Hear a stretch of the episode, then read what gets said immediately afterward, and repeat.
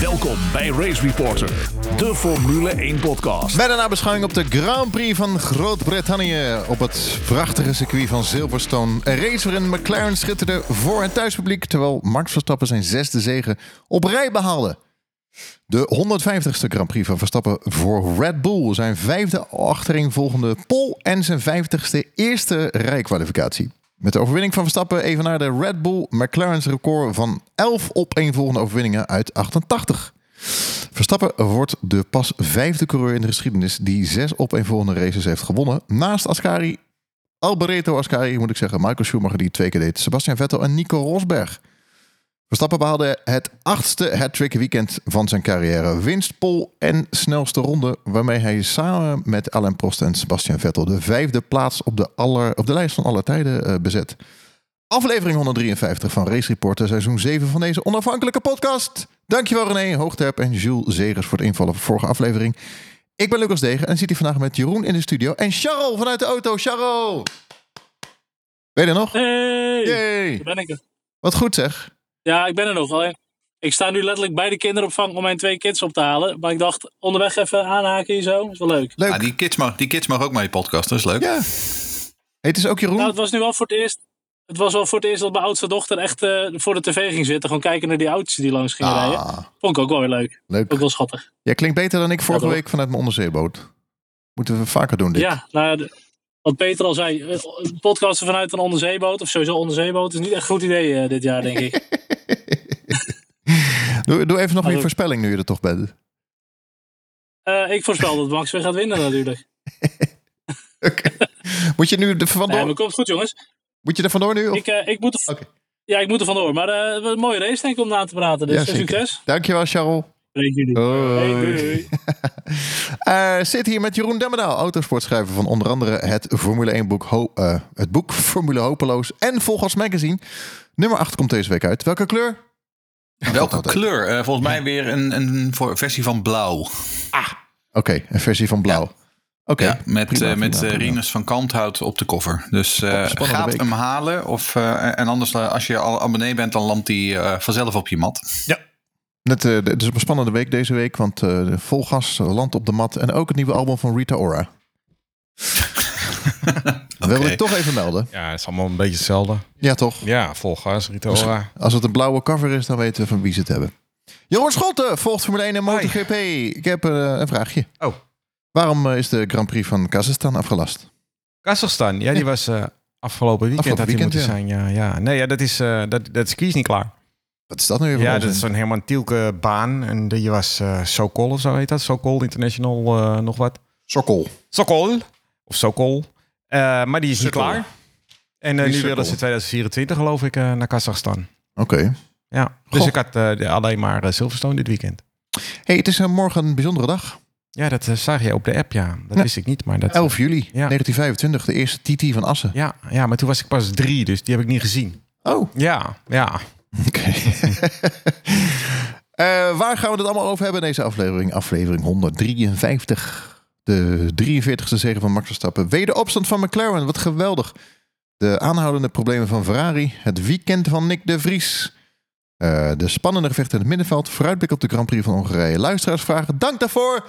En als we nog binnen een uur zitten, dan gaan we het nog hebben. eh, als er nog tijd voor is, gaan we het hebben over Mark Rutte.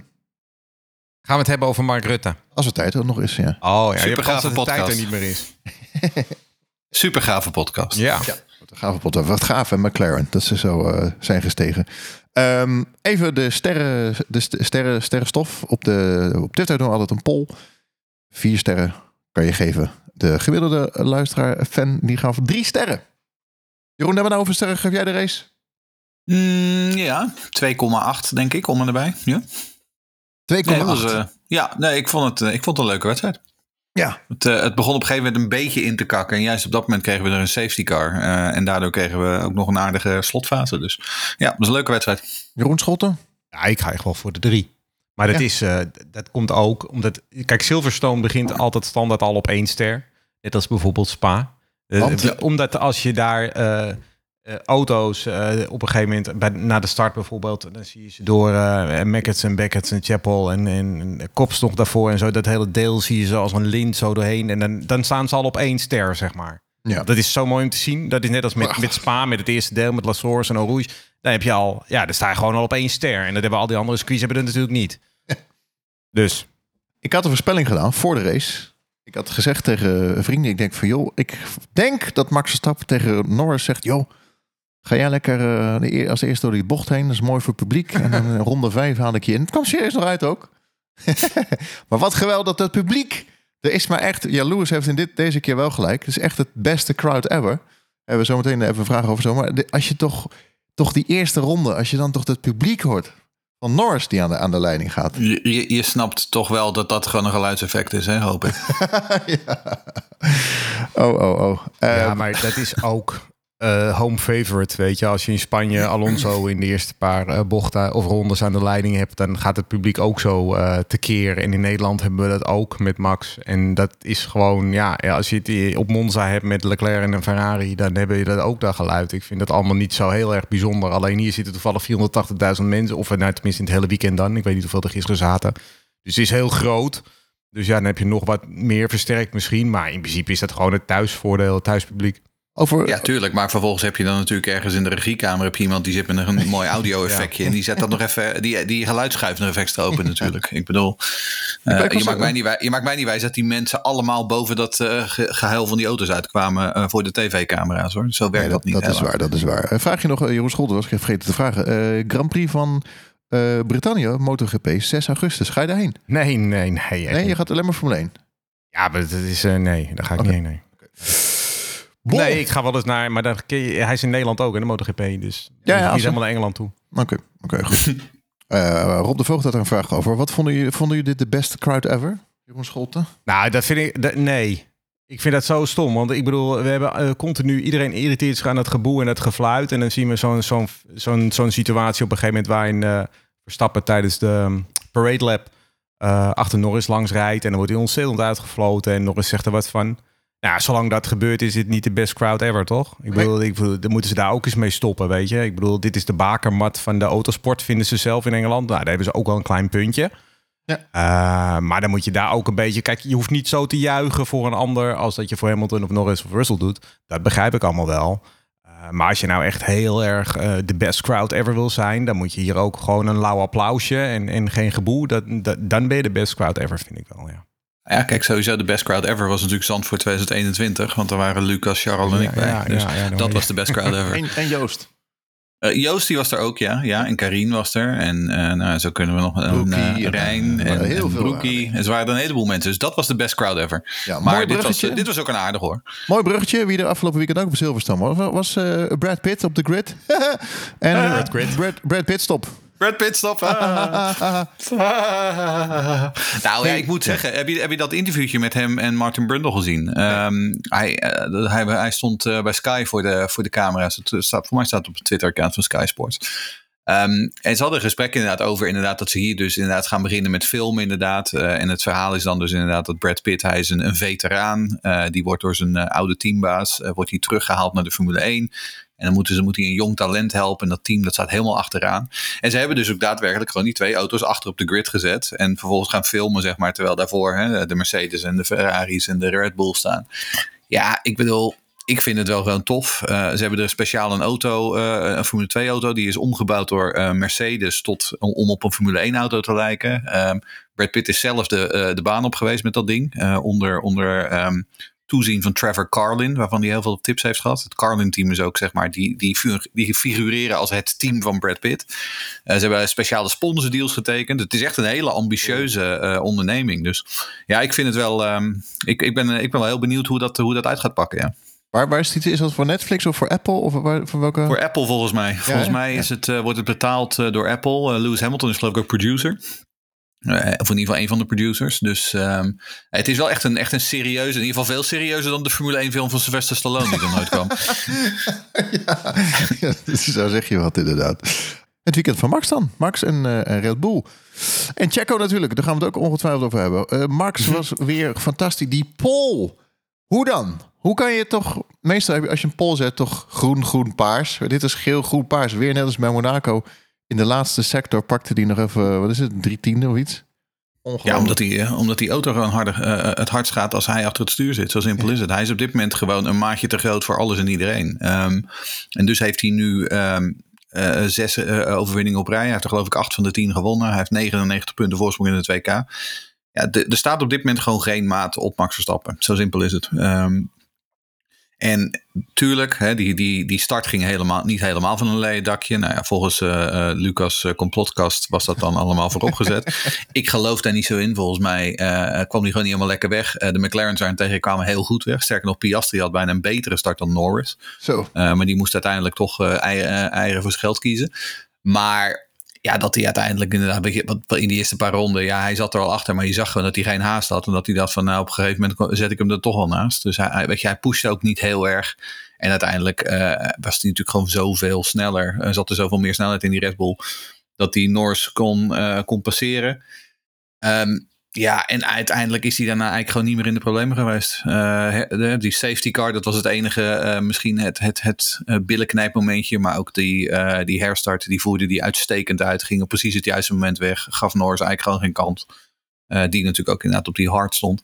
Ehm, dus ja, Max Verstappen gewoon 10 met een griffel wat mij betreft dit weekend. Mooi ja. Elf zegens op rij voor Red Bull. Evenaring van McLaren. De MP44 uit 88. Beroemde auto. Ja, ja, absoluut. Ja. Ehm, nou ja, kijk, en, en, en wie dan geen team met een griffel kreeg, dat was natuurlijk teamgenoot eh, Sergio Perez. Die het voor elkaar kreeg om in deze Red Bull voor de vijfde keer op rij niet eh, in Q3 eh, te eindigen. Ehm, ik, ik, weet niet, ik weet niet wat er aan de hand is met Sergio. Kijk, het is heel makkelijk om te zeggen van ja, hij kan er niks van. Maar we weten vanuit de historie dat hij er wel wat van kan. Ehm, dit zelfs voor Sergio Perez, een eh, soms wat wisselvallige standaarden, is dit wel heel beroerd. Ehm, en Christine Horner die zei na afloop ook van ja, hij heeft een, een arm om zijn schouder nodig. En toen dacht ik van, eh, is dat dan een hint dat er gewoon mentaal ergens iets niet goed zit? Of dat er ergens in de privésfeer niet- iets niet lekker zit met Sergio Perez? Want het, het, het is wel heel gek dit. Ja. Echt heel gek. Ja. Ja, kijk, wat, dat is het ook het verschil met die MP44 destijds natuurlijk van McLaren. Als Ja. Senna dat niet won, dan won Prost wel. En hier hebben we nu, ehm, eh, we hebben nu net de tien races gehad. We hebben maar vier 1-2'tjes gehad. Dat waren volgens mij de eerste vier races van het seizoen waarin ze 1-2 werden. Ehm, en daarna niet meer. En dat is natuurlijk wel iets wat, wat, Perez zich moet aantrekken. Want dat, kijk, je hebt gewoon van, van de tien races en twee sprintraces, volgens mij heb je alles gewonnen. eh, inclusief alle kwalificatie op één pol na. Eh, dus je bent zo afgetekend met deze auto de beste. En dat je dan, ja, weet je, minder eh, keren in Q3 bent gekomen dan Nico Hulkenberg. Ja, weet je, dat kan echt gewoon niet. Daar is echt iets, ja. Ja, de- mentaal is die misschien wel zo geknakt of zo. Ik, ik durf het echt niet te zeggen, maar ik denk dat het inderdaad wel een mentale kwestie is geworden. Je kan best een keertje in de beste auto een kwalificatie eh, of een Q3 missen. En je kan het ook wel eens een keertje twee keer missen, weet je. En dat kan ook zelfs achter elkaar, maar vijf keer, weet je. En je gaat er nu voor zitten en nu denk je, ja, nu zal het toch wel goed komen met Perez, weet je. Want in de vrije trainingen zat hij er redelijk bij. Ja, ja. Ja, wat was zijn excuus? Ik was stond te lang in de pits en mijn- banden waren niet warm genoeg. Ik heb geen idee. Ik heb niet eh, gehoord wat zijn excuus was. Maar ik bedoel, uiteindelijk eh, eh, liegt de chronometer niet, hè. Nee. Dus ehm, Nee, weet je, en je kunt met honderd excuses op, eh, op de proppen komen. Maar uiteindelijk de bottom line is dat het gewoon weer niet goed gaat. En ook, het is ook niet dat, het is ook niet dat die elfde werd hè, op een paar duizendste. Het is ook, of, of weet je, het is Nee. gewoon echt, echt gewoon afgetekend niet. Ehm, dus ja, ik, eh, hebben ook een vraag van Dennis. Van, gaat het nog goed komen met eh Perez? Gaat hij er nog bovenop komen? Of is dit einde verhaal? Kijk, wat wel zo is, en dat zei Horner gisteren ook. Hij staat natuurlijk nog steeds gewoon tweede in het kampioenschap. Ehm, Red Bull staat natuurlijk een straatlengte voorsprong in het constructeurskampioenschap. Dus in die zin op dit moment, er is nog niet een enorme Mexicaanse man overboord. Eh, hij is sterker nog, hij is voor Alonso geëindigd. En die staat derde in het WK. Dus daar liep hij zelfs gisteren uiteindelijk nog op uit eh, eh, qua, qua punten. Maar ehm, nou ja, die, dat, die- WK-strijd is wel voorbij natuurlijk. Misschien dat dat nog wel een voordeel is. Dat als het dan een mentale kwestie is, dat hij toch nog zichzelf al die druk oplegt. Waar we het hier wel eens eerder over gehad hebben. Nou ja, dat, dat kan hij nu echt vergeten. Met want die 99 punten, die maakt hij never nooit niet meer goed. Dus weet je, ga je gewoon richten op die tweede plek. Ga je gewoon richten op zoveel mogelijk eh podiumfinishes bij elkaar halen. Maar nogmaals, ik, ik, ik, ik, ze zullen hem sowieso wel eh, eh, de, rest, de rest van het seizoen geven natuurlijk. Kijk, nogmaals, hij heeft gewoon een doorlopend contract. Er is niet echt een ontzettende duidelijke vervanger voor, die, die voor de hand ligt. Ja, dan gaan we verhalen over Ricciardo. En die gaat nu een, een, een bandentest doen drie dagen lang op Silverstone. Maar ook Ricciardo, ehm, die heeft de afgelopen twee jaar echt geen deuk in een pakje boter gereden. Dus die gaan ze, dat risico gaan ze echt niet nemen. En nogmaals, het is niet zo alsof uh, Sergio Perez, zoals bijvoorbeeld een Gasly of een, of een Albon in het verleden, gewoon echt zeven of acht in het kampioenschap staat. Hij staat gewoon nog steeds op P2. Dus als hij dat volhoudt en als hij in de komende races gewoon weer een paar normale weekenden, al is het maar dat hij zich gewoon, weet ik veel, bij de beste zes kwalificeert. En dan vervolgens gewoon netjes naar een P2 of een P3 rijden. Hij, maar het moet het, die, hij moet een beetje door die slechte serie heen waar hij nu in zit. Die moet hij, die moet hij doorbreken. Uh, en dan denk ik dat het wel weer goed komt ja, op termijn. Maar dat hij nog tweede staat in het WK is ook wel is niet op eigen kracht. Hè? Dat heeft wel een beetje nee. te maken met wat Max uh, na de wedstrijd zei. Van ik weet nooit wie de tweede rijdt. Want het ene circuit is de een en de andere circuit is weer de ander. En dat is een beetje de redding nu van Sergio Perez in het WK. Want als, als Mercedes constant tweede zou zijn, of Aston Martin constant tweede zou zijn, ja. dan had hij natuurlijk geen tweede meer gestaan. Het is een nee. beetje de mazzel dat het, nu is het weer McLaren, de vorige keer is Ferrari of Mercedes of Aston Martin. Dus ja, dat, ze, ze, ze, verdelen die punten ook heel erg onderling. Dus ja, dat schiet allemaal niet zo heel erg op.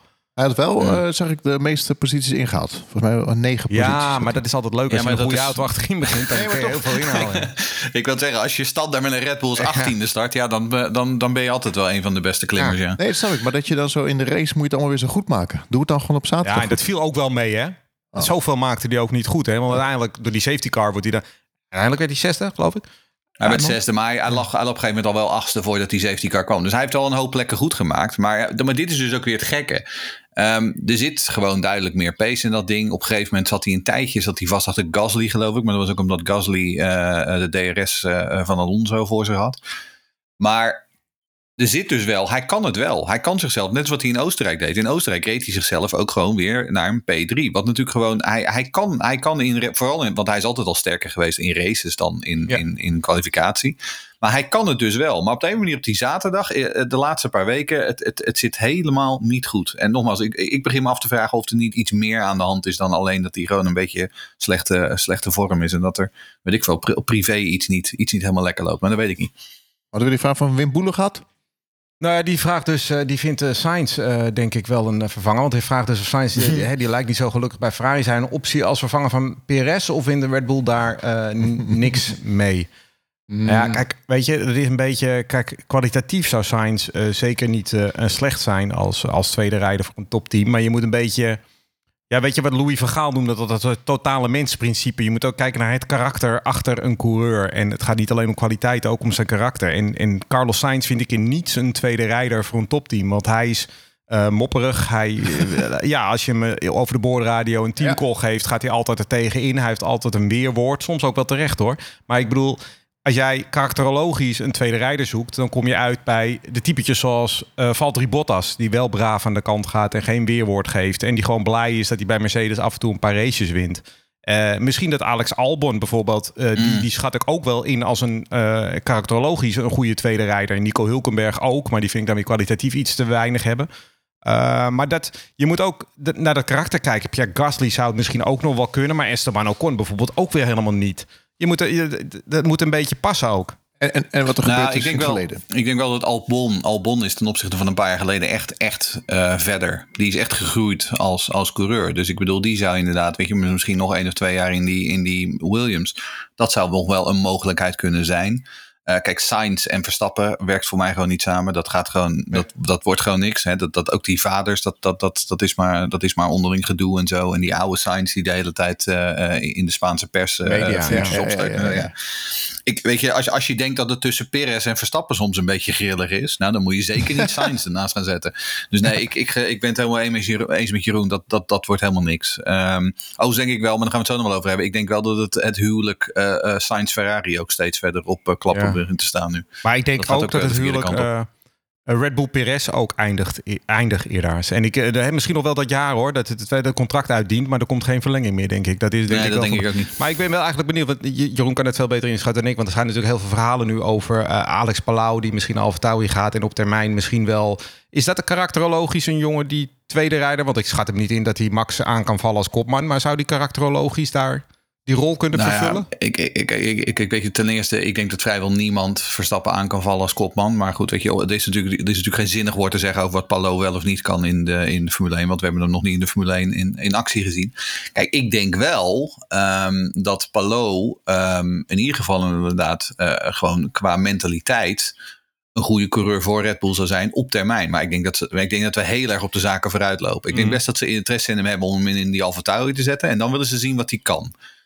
Ehm, en zou het dan inderdaad zo kunnen zijn dat als Perez ondertussen rustig naar die tweede plek toe rijdt eh, eh, en, en rustig de podiumpjes bij elkaar harkt en zorgt dat Red Bull constructeurskampioen wordt, dat ze na anderhalf of twee jaar eh Palo en AT, dat ze dan denken van nou, eh, we schuiven hem door. Zou best kunnen, maar nu lopen we echt ontzettend ver Ja. op de, op, Ja, maar op dat de is wel zaken leuk. vooruit. Ja, dat is hartstikke leuk. leuk. ja, absoluut. Kijk, en ik, ik hoop, en ik moet zeggen, ik hoor ook inderdaad, eh, ehm, omdat ik natuurlijk in Amerika nog wel wat eh, ingangen heb, ik hoor wel zo dat het, het, het Palo eh Alfa Tauri verhaal is wel echt, dat is wel echt. Kijk, Alfa Romeo heeft hij geprobeerd. Eh, daar is hij eigenlijk gewoon weggestuurd. Want daar hebben ze gewoon geen interesse. Zowel Bottas als Zoe, die gaan nergens heen. Maar Alfa Tauri heeft wel degelijk interesse inderdaad. Die zijn wel om zich heen aan het kijken. Ehm, en dat heeft natuurlijk ook te maken. eh, we, we hebben Marco dit weekend gezien. Hè? Ehm, Gaat Nick de Vries Zandvoort halen? Vroegen ze bij, voor mij bij Viaplay. Ja. Ja, dat daar zien we dan wel weer. over. Weet je, Ja. da- da- Ja. da- dat, dat, wat Marco was wel heel erg. Ehm, die is wel heel erg aan het hinten. Wanneer is Zandvoort precies, zei hij toen? Nou ja, dan weet je al genoeg eigenlijk. ja, precies, ja, precies ja. Weet je? Kijk, en, en wat het is met Palo. Palo is per 10 september is de laatste wedstrijd in de IndyCar. Eh, waarschijnlijk heeft hij ruim voor die tijd al een, eh, het kampioenschap binnen. Maar per 10 september is Alex Palo eh, vrij om te gaan. Hè? Dan, kan hij, dan, dan is hij klaar. Ja. Dus ik bedoel, zou die eh, per Singapore, per, per Suzuka al in kunnen stappen? Maar ze- Suzuka, Suzuka hij heeft, jarenlang in, hij heeft, hij heeft, hij heeft een jaar lang in de Formula gereden. Laat hem in Suzuka debuteren. Het zou mij, ik, het zou mij niet verbazen. Maar hebben ze contracten tot einde seizoen of einde jaar? Want in de Formule 1 is Ze het december. Nee, volgens mij hebben ze een. con- Ik, ik, nou ja, dat, dat weet ik niet. Want ik weet niet. Ik, ik, hij, eh, ik heb het wel eens gevraagd, maar hij stuurt zijn contract nooit naar me door. Heel Ach, jeetje. Maar, ehm, Ook niet als je bedoel, dat je in een podcast zit. Maar hij heeft geen, hij heeft geen raceverplichtingen meer na 10 september. Oké, ja. Ehm, dus weet je, ze zouden hem in principe vrij kunnen laten. Ja. Ehm, dus ik, ik, ik, het zou mij niet verbazen hoor, als ergens later dit jaar eh, dat als, als Palo in die, in die Alfa Tauri terechtkomt. Het zou me echt niet verbazen. Nou, McLaren, gevecht in de subtop. IJzersterk McLaren. Vraag je. eh, was McLaren al sterk in Oostenrijk? Eh, ja, in ja, ja, principe waren ze zeker. al sterk, alleen Ja. de race was niet zo goed. Ja. Nee, ja, was, ze waren zeker sterk in Dat Oostenrijk. kwam niet uit de verf, maar Nee, maar dat, dat is ook, want we hebben meteen die vraag van Richard Kuiper. Hè. Was het een one-off voor McLaren? Of ligt het aan het circuit? Of gaan we ze nu meer voor aanzien? Nou, ik denk op de snellere circuits dat McLaren daar wel bij komt. Want die hebben gewoon tegenwoordig een best wel efficiënte auto. Het enige waar zij last van hebben, dat zijn echt eh, ja, dat langzame deel. ehm, langzame delen op de baan of langzamere circuits, daar hebben ze moeite mee. Dus ik denk in Hongarije dat ze inderdaad wel weer problemen zullen krijgen om, eh, om, eh, om hoger op te staan. Maar ik denk op de wat snellere circuits dat ze volop mee gaan doen. Dat was in Oostenrijk zo en dat is nu ook zo. Uh, dus ik denk dat dat zo ook wel ligt. Dus het is geen one-off, maar het is ook niet zo dat ik nu verwacht dat ze iedere race maar nu gaan tweede worden. En dat, ze, dat verwacht ik ook weer niet. Maar ik moet wel zeggen, en, want we hebben natuurlijk als Nederlandse media hebben we het natuurlijk heel vaak over, over Max en, en, en wij in de podcast ook. Maar dit was wel echt. De, Silverstone uh, belongs to McLaren. Ik vond echt McLaren echt. Dit weekend heb ik zo van ze genoten. ook, van, uh, ook van Oscar Piastri, hè? Ja. Die als rookie daar gewoon een podium zou hebben gepakt als die haast niet stil was gevallen. Dus uh, ik vond McLaren echt uh, hulde voor die mensen. Ik had, uh, ze hadden ook gepost. Ze hebben in de afgelopen negen races 29 punten behaald. En nu in deze race 30 punten. Mm. Om even aan te geven hoe, wat een ongelofelijke sprong ze hebben gemaakt. Maar, maar dat is het. Wat is maar, sprong? ze hebben, ze, ja, maar ze hebben een sprong gemaakt. Uh, kijk, en wat, wat, wat nog wel vergeten wordt, uh, volgens mij in, in een aantal van de berichtgevingen, is dat Piastri, uh, die had die update nog niet hè, in Oostenrijk. Okay, dus daarom was er een groot ah. verschil tussen Norris en Piastri in Oostenrijk. Ah, okay. Nu hadden ze allebei de updates. eh, en dat was echt een ingrijpende update. Um, ja, je ziet dan meteen, Piastri heeft een auto waar hij wat mee kan. Ja, en, en als je Piastri in de Formule 3 en de Formule 2 gezien heeft, uh, die jongen is echt een natuurtalent. En wat ik mooi vind aan Piastri is, hij is... Um, weet je, Norris is echt zo'n uh, vrolijke jongen en, en super social media dit en dat. Um, en Piastri is veel stiller en veel Schuw, kalmer. Veel schuwer. Weet je, hij doet, maar hij doet mij een beetje denken aan, aan een vroege Schumacher. Aan een vroege uh, Max Verstappen. Weet je, vooral gewoon geïnteresseerd in rijden. Al dat, mm. al dat, al dat gedoe, al die poespas mm. eromheen. Dat interesseert hem gewoon niet zo heel erg veel. Um, dus ik vind het echt, ik, ik, ik, ik zie echt die silent killer uh, uh, mentaliteit bij hem. En ik denk echt dat het zou zomaar kunnen dat nu, nu, nu die eindelijk een auto heeft die niet heel moeilijk was. Want laten we wel wezen, in het begin van dit jaar was die McLaren echt daar, daar viel geen land mee te bezeilen. Maar nu hij nu een auto heeft waarmee hij echt wat kan. Dat ik denk dat we nog best wel veel van Piastri kunnen gaan zien in de tweede seizoenshelft. En um, Hij, was, eh, hij rijdt met zijn hersens, hè? Want, eh, want hij had natuurlijk een aanval op Max kunnen wagen in die, eh, die zeker. openingsfase. En eh, de, hij Ja. haakte af. En de, de- helemaal terecht dat hij afhaakte. Ja. Want eh, je, je, neemt natuurlijk een enorm risico, terwijl je eigenlijk naar het podium kan. Eh, dus dat deed hij heel verstandig. En er zijn toch heel wat rookies, denk ik. eh, als je daar Yuki Tsunoda in zijn eerste jaar neer had gezet, dan had hij ja, dus met z'n tweeën... ja. Maar, eh, snap ik, maar er wordt natuurlijk in de briefing ook wel honderd keer verteld van... ja, maar als Maar je, je hebt natuurlijk je rijdersinstinct, adrenaline en die Ja, lichten zijn ik. net allemaal uitgegaan en je Ja, ziet dat ik, ja. Max kwetsbaar is Ja. omdat hij een maat Ja, ja, ja. dan, dan ja dan, dan kan je je, je kan Maar er van alles in pompen, maar Maar Wie had dat Nou, gedacht aan het begin van het seizoen... dat Piastri met, met Max aan het, ge- aan het vechten was? Vond dat geweldig. Ja, Zeker. niet. Nee, maar dat is het, dat is het dus. En, en, en daarom, weet je, wat, wat ik, wat ik aan het begin al zei, hij had bijna een betere start dan Norris. En, en, en als hij als die net iets meer ruimte had gehad aan die rechterkant, dan had hij ze allebei nog kunnen pakken. Ja. Maar net wat je zegt, hij was, hij was slim. Hij dacht, nee, dat ga ik niet doen. En vervolgens daarna had hij natuurlijk nog een kans. Ik, wil, ik las ook op een gegeven moment iemand van Twitter, op Twitter die zei van ja, had Norris niet kosten wat kost die koppositie moeten verdedigen. En dan denk ik van, Hoezo? Nee joh, want dat, dat, dat, dat zou toch nooit wat worden. En Norris was natuurlijk ook gewoon aan zijn banden aan het denken. En duidelijk, Piastri deed dat ook. Ze waren overduidelijk gewoon hun, hun banden aan het managen. En gewoon proberen om die eerste stint zo lang mogelijk te houden. Natuurlijk die regen in de, in de lucht hing. En je, ziet gewoon, ze, rijdt, ze rijden heel veel wassen. Je ziet, je ziet Piastri ook niet heel veel fouten maken. Het enige is natuurlijk, als hij op plek 16 rijdt omdat dat ding voor meter gaat. Ja, dan valt het wat minder op. Alleen nu inderdaad zit hij er eh, van voren meteen bij. Dus ja, ik, ik, ik, vond, ik, ik vond hem heel indrukwekkend. Eh, maar nogmaals, ik heb hem in de Formule 2 en de Formule 3 ook gezien. Waar hij meteen in zijn rookie seizoen meteen het kampioenschap won. Ehm, Piastri is wel echt, eh, is wat mij betreft echt buiten categorie hoor. ja, ik vind, ik, vind, ik vind Norris vaak in de duels niet heel stevig. Dat moet ik wel we- zeggen. Dat is van nature niet echt. Maar ik moet zeggen, in dit geval snap ik dat ook volledig. Want kijk, als het vijf rondes voor het einde is, dan kan je proberen om Max op te houden. En, Nee, eh, maar hij de- verdedigt helemaal niet eens. Maar nu, Hij ging eens aan de kant. ja, eh, misschien had hij iets meer. Maar ik bedoel, hij rijdt ook met zijn hoofd. En hij weet ook dat, weet je, na die vijf rondes komen er nog, eh, wat zijn het, eh 50 of 45 rondes op Silverstone. En dat gaat hij never ever nooit Nee, redden. dat weet ik ook wel. Maar En je offert zoveel op, hè? Want je rijdt ook je banden en alles eh, wo- wordt warmer. En het, het- het- ja, weet je, nee, ik vind het wel verstandig. Maar ik moet wel zeggen, ik vind, ik vind Norris vaak in duels wat aan de zwakke kant, hoor. Oké. Mm. Ja, ben ik wel met je eens inderdaad. Ehm, maar ik denk dat hij hier wel terecht eieren voor zijn geld koos. Ehm, ja. En dat was wat je zegt. Nou, dat, ze- kijk, ze waren aan het vechten met Ferrari en Mercedes. Ze waren niet in gevecht met Max Verstappen. Want uiteindelijk, nogmaals, waar we het, waar we het niemand. eerder al over hadden. Daar, Ja. daar, daar, is gewoon, daar is gewoon niet tegen de vecht op dit moment. Eh, Daar staat geen maat op. Dus tweede was het maximaal haalbare. Uh, nou, dan hebben we nog een vraag van Remco Hadders. Die zei, vonden jullie het ook zo indrukwekkend hoe relatief makkelijk Piastri bij Norris kon blijven in zowel de race als de kwalificatie? Eh, nou ja, ja dus. Dat vond ik absoluut indrukwekkend. Ehm, ik moet ook zeggen, eh, Norris was na afloop ook heel erg eh, complimenteus over Piastri. Ehm, natuurlijk ook omdat hij, omdat hij die podiumplaats uiteindelijk miste door, door die safety car. Uh, maar Noor zei ook van hij, hij houdt me echt scherp. Uh, af en toe vind ik dat ook gewoon vervelend. Uh, vind ik dat ook echt gewoon niet leuk. Maar um, ik word er wel een betere rijder van. En, en we, we stuwen elkaar en het team op die manier naar grotere hoogte.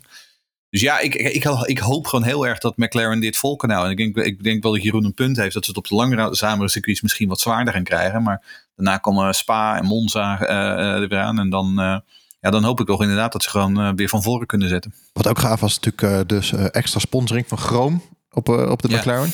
En die gave helm van uh, Norris. Tenminste, ik vond de gave helm. Maar het is toch cool als je dan op, en op Silverstone uh, je, zeg maar, je, je grote nieuwe sponsor uh, en dat je dan op het podium staat. Erg leuk. Dat was een mooie, mooi momentje voor McLaren. Ferrari. Nou ja, dat was weer uh, natuurlijk met Ferrari. Ja, ik vind vooral die... Maar goede. Ik vond die, die boordradio natuurlijk echt legendarisch. Van, moeten we overschakelen naar plan B? Ja, maar wat is plan B dan? Ja, daar komen we op terug. Nou, oh, oh, oh, oh, oh. Jeetje, als, als, ja, weet je, alsof Theo Maas dat stukje geschreven heeft of zo, weet je. Dat is echt bizar. En... Uh, Kijk, als het naar plan F is, oké. Okay, maar plan B... Ja, en, en ook in de kwalificatie hadden ze natuurlijk een, een akkefietje met, met Sainz... die achter Leclerc moest blijven en op het laatste dan toch weer inhaalt en zo. Ik heb wel het idee dat Sainz daar op weg is naar de uitgang. En niet omdat Ferrari hem daar weg wil hebben, maar omdat Sainz daar toch... Uh, dat is een mopperronde Spanjaard, hè, zoals Alonso ook een mopperronde Spanjaard is. We hebben veel mopperronde Spanjaarden in de Formule 1. Maar hij is um, ook een jongen die dat, die dat niet accepteert. Hè. Dat is altijd een weerwoord, hij is altijd een, een, grote mond. Hij heeft ook een beetje een wat veel neefje die dan zijn manager uh, is. Die is ook geloof ik daar, wat je wel eens leest, is ook een beetje... Ja, ook vervelend. En hij hebt natuurlijk die Spaanse media van zijn pa... En zo, Eh, ik heb wel het idee dat, dat dit wel eh, de, voor mij nog één jaar doorlopend contract. Ik denk dat het daarna ook wel echt klaar is met, met uh, Sainz bij Ferrari. En Maar dan? Waar gaat hij naartoe dan?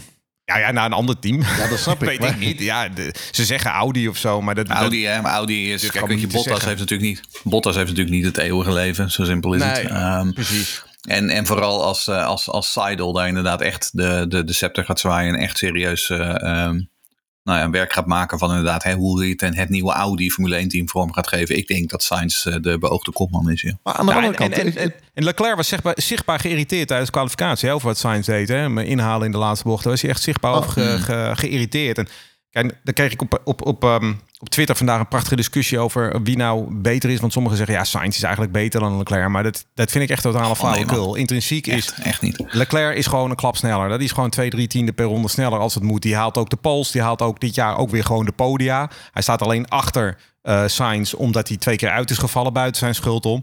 Eh, weet je, kijk, als je gewoon... Als je Ferrari bent en je stelt de kopman aan... dan kijk je naar een paar criteria. Je one-lap pace, je race pace, je consistentie... Je blanden, eh, hoe je met je banden opgaat... eh, wat voor, of je een beetje een winnaarstype bent. Nou, dat kan je bij Leclerc misschien nog een vraagteken achter zetten. Ehm, maar eigenlijk alles valt in het voordeel van Leclerc uit en, en niks Sainz. Alleen ja, Sainz is, is een betrouwbare jongen. Eh, die haalt zijn puntjes wel binnen. Betrouwbaar in de zin van hij valt niet vaak uit. Hij doet niet veel gekke dingen. Maar hij is gewoon twee tienden langzamer dan Leclerc. En dat, ja, dus is het nooit een kopman. Ja, was hij bij Toro Rosso met Max ook al. Ja, Ja, was het, ook al. het vaak over Heel gehad. degelijk, pakt zijn puntjes. Ja. Maar hij mist net dat, Maar dat toch- verfijnde. Is het mopperen of is het ik wil dat het team beter wordt? Nou, hij heeft wel gelijk natuurlijk af en toe. Hè. Dat, dat, dat mopperen is natuurlijk een beetje lullig gezegd. Kijk, Jeroen en ik zijn mopperaars. maar Sainz heeft ook wel een beetje gelijk af en toe. Hè. Nou, eh, kijk, het punt is uiteindelijk aan het einde van de rit lieten ze alle positiewisselingen zien, zeg maar, in, in, in het veld. En dan zie je Leclerc min 5, Sainz min 5. En dan ze dan op plek 9 en 10. Ja, het is natuurlijk gewoon huilen. Echt huilen. Ehm, en en eh, ik bedoel, hè, we hebben natuurlijk hier jaren, jaren geleden de dronken Baviaan gelanceerd. Nou, die was gisteren weer eh, Ja, in, eh, in optima ook. forma hoor. Jongens, jongens, Leclerc die gewoon voor Russell rijdt op hardere banden, op mediums. En Russell rijdt op softs. En dan denk je, nou, ik ga hem toch maar als eerste naar binnen halen. Ja, ja. Ja, ja, inderdaad. eh, Geen touw vast te knopen. Wat is, wat, waarom dan? Maar ja, goed. Over Ferrari gesproken. Ik, zat, ik had even een aantekening gemaakt. Er was ook nog een eh, eh, steering under braking van Leclerc op Russell. Dat vond ik niet zo netjes. Oh ja, dat was een beetje een duelletje, weet je. Maar dat is ook allemaal gezeur van, van Russell over de radio. Kom op, hij schijt uit met het... eh. Nee, nee, nee. nee. Ja, het was op het dat- randje, vond dat geef ik allemaal wel toe. Maar ze doen het allemaal, joh. Nee, nee, dat ben ik niet met je eens. Ik Ja, vond ik dit wel wel. echt lelijk. Hij was, dit, was echt, dit was echt moving on the breaking. Dit had Ja. gewoon een. eh, dit had wat mij betreft gewoon een, een straf moeten zijn. Of in ieder geval, geef in, i- geef in ieder geval de positie terug. Hè? Weer een, een wissel, maar goed. Het maakt niet uit. Russell had Ehm, wel een mooie buitenom actie. Och. Ja, ja, ja, ja, ja, ja. Ja, ja Actie was van mooi. de dag. Ja, Och, ja Dat die was heel mooi. Ja. dat was Actie van de dag, absoluut. Overigens Oh, moet ik wel mooi. zeggen, eh, die, die Mercedes, want dat is nou toch een, we zitten nu midden in een updateswereld. Hè? McLaren werkt wel en, en Ferrari, nou dat weten we nog niet helemaal, omdat alles om zeep geholpen wordt door je tactiek. Maar er lijkt wel wat meer snelheid in te zitten. Ehm, maar die Mercedes, dat is er nog niet. Hè? Ik, ik, wat op een gegeven moment had Ru- Russell ook een, hij had ook een, een, een eh, ergens in, toen hij bij Kops naar binnen gaat, had hij opeens een tankslapper waar je u tegen zei. Ja. Het ding is super nerveus nog steeds. Ja. Ja, nee, dat klopt. Ja. En eh, kijk, eh, Hamilton heeft natuurlijk heel veel geluk gehad dat hij op het podium stond. Hè? Want zonder die safety car was hij gewoon vijfde geworden of zo, denk ik. Ja, Dat is hij, staat er, hij staat er gewoon als de kans eraan dient. d- d- niks Ik ten nadele van die jongen. al- ik, Maar kreeg gisteren alweer, ik kreeg gisteren alweer half Nederlands even één Twitter over me heen. Omdat ik, omdat ik iets positiefs zei over Hamilton. Dan schiet iedereen weer in de stress natuurlijk. Nee, nee, ik maar bedoelde uiteindelijk, uiteindelijk rijdt, hij, rijdt hij zichzelf gewoon netjes naar voren. En staat hier op dat podium. Maar ik bedoelde meer aanhakend op het feit dat Mercedes inderdaad nog niet de, de auto heeft waarmee ze Nee. duidelijk tweede Nee, puur zijn. ondanks qua dat bedoelde ik meer. nee, nee dat is waar. Nee, dat is Hamilton waar. doet alles prima, maar die Mercedes is er nog lang niet hoor. Want het was wel naar eh, Canada volgens mij. In, in Spanje was er allemaal wat Hosanna, want Mercedes heeft de weg omhoog gevonden. Maar dat zie je nu toch duidelijk. Ja, goed, het is een beetje circuitafhankelijk, ook voor hen. Ja. Ja. En ondertussen nog steeds niet bijgetekend hè? Nee. Nee, Hij wil vijf jaar en ambassadeur worden en eh, Toto wil dat niet. Mm, ja, dat, dat, dat is wat Nou ja. er gerapporteerd wordt. Of dat ook echt zo is, dat weten we Nee, niet. dat- Hè? maar dat, ik bedoel, dat, dat ambassadeurverhaal is natuurlijk ook een beetje een apart verhaal. Want ik bedoel, Merce- Mercedes, het, het raceteam Mercedes is niet 100% van Mercedes, het echte Mercedes. Hè? Dus maar eh, 30% of zo, geloof ik. Dus ja, je kan wel Ja. zeggen, ik wil het ambassadeurschap van het Mercedes-merk. Maar ja, dat, dat, die moeten daar dan zwaar voor gaan betalen. Maar daar is niet, het Mercedes race team heeft daar niet zo heel veel mee te maken. In ieder geval heeft er wel wat mee te maken, maar niet alles mee te maken, zeg maar. En die moeten daar wel voor gaan betalen. Ja, ja ongetwijfeld. Kijk, en dat zal ongetwijfeld natuurlijk allemaal wel op de centen neerkomen. Maar ik bedoel, kijk, ik, wat ik geloof best dat ze er uh, in principe over uit zijn dat ze met elkaar verder willen. Uh, ik zou ook niet weten waarom je een Hamilton in, in zijn huidige vorm opzij wil zetten. Want hij rijdt nog steeds gewoon prima. En, en vooralsnog heeft hij Russell gewoon goed onder de duim. Maar ja, hij is wel.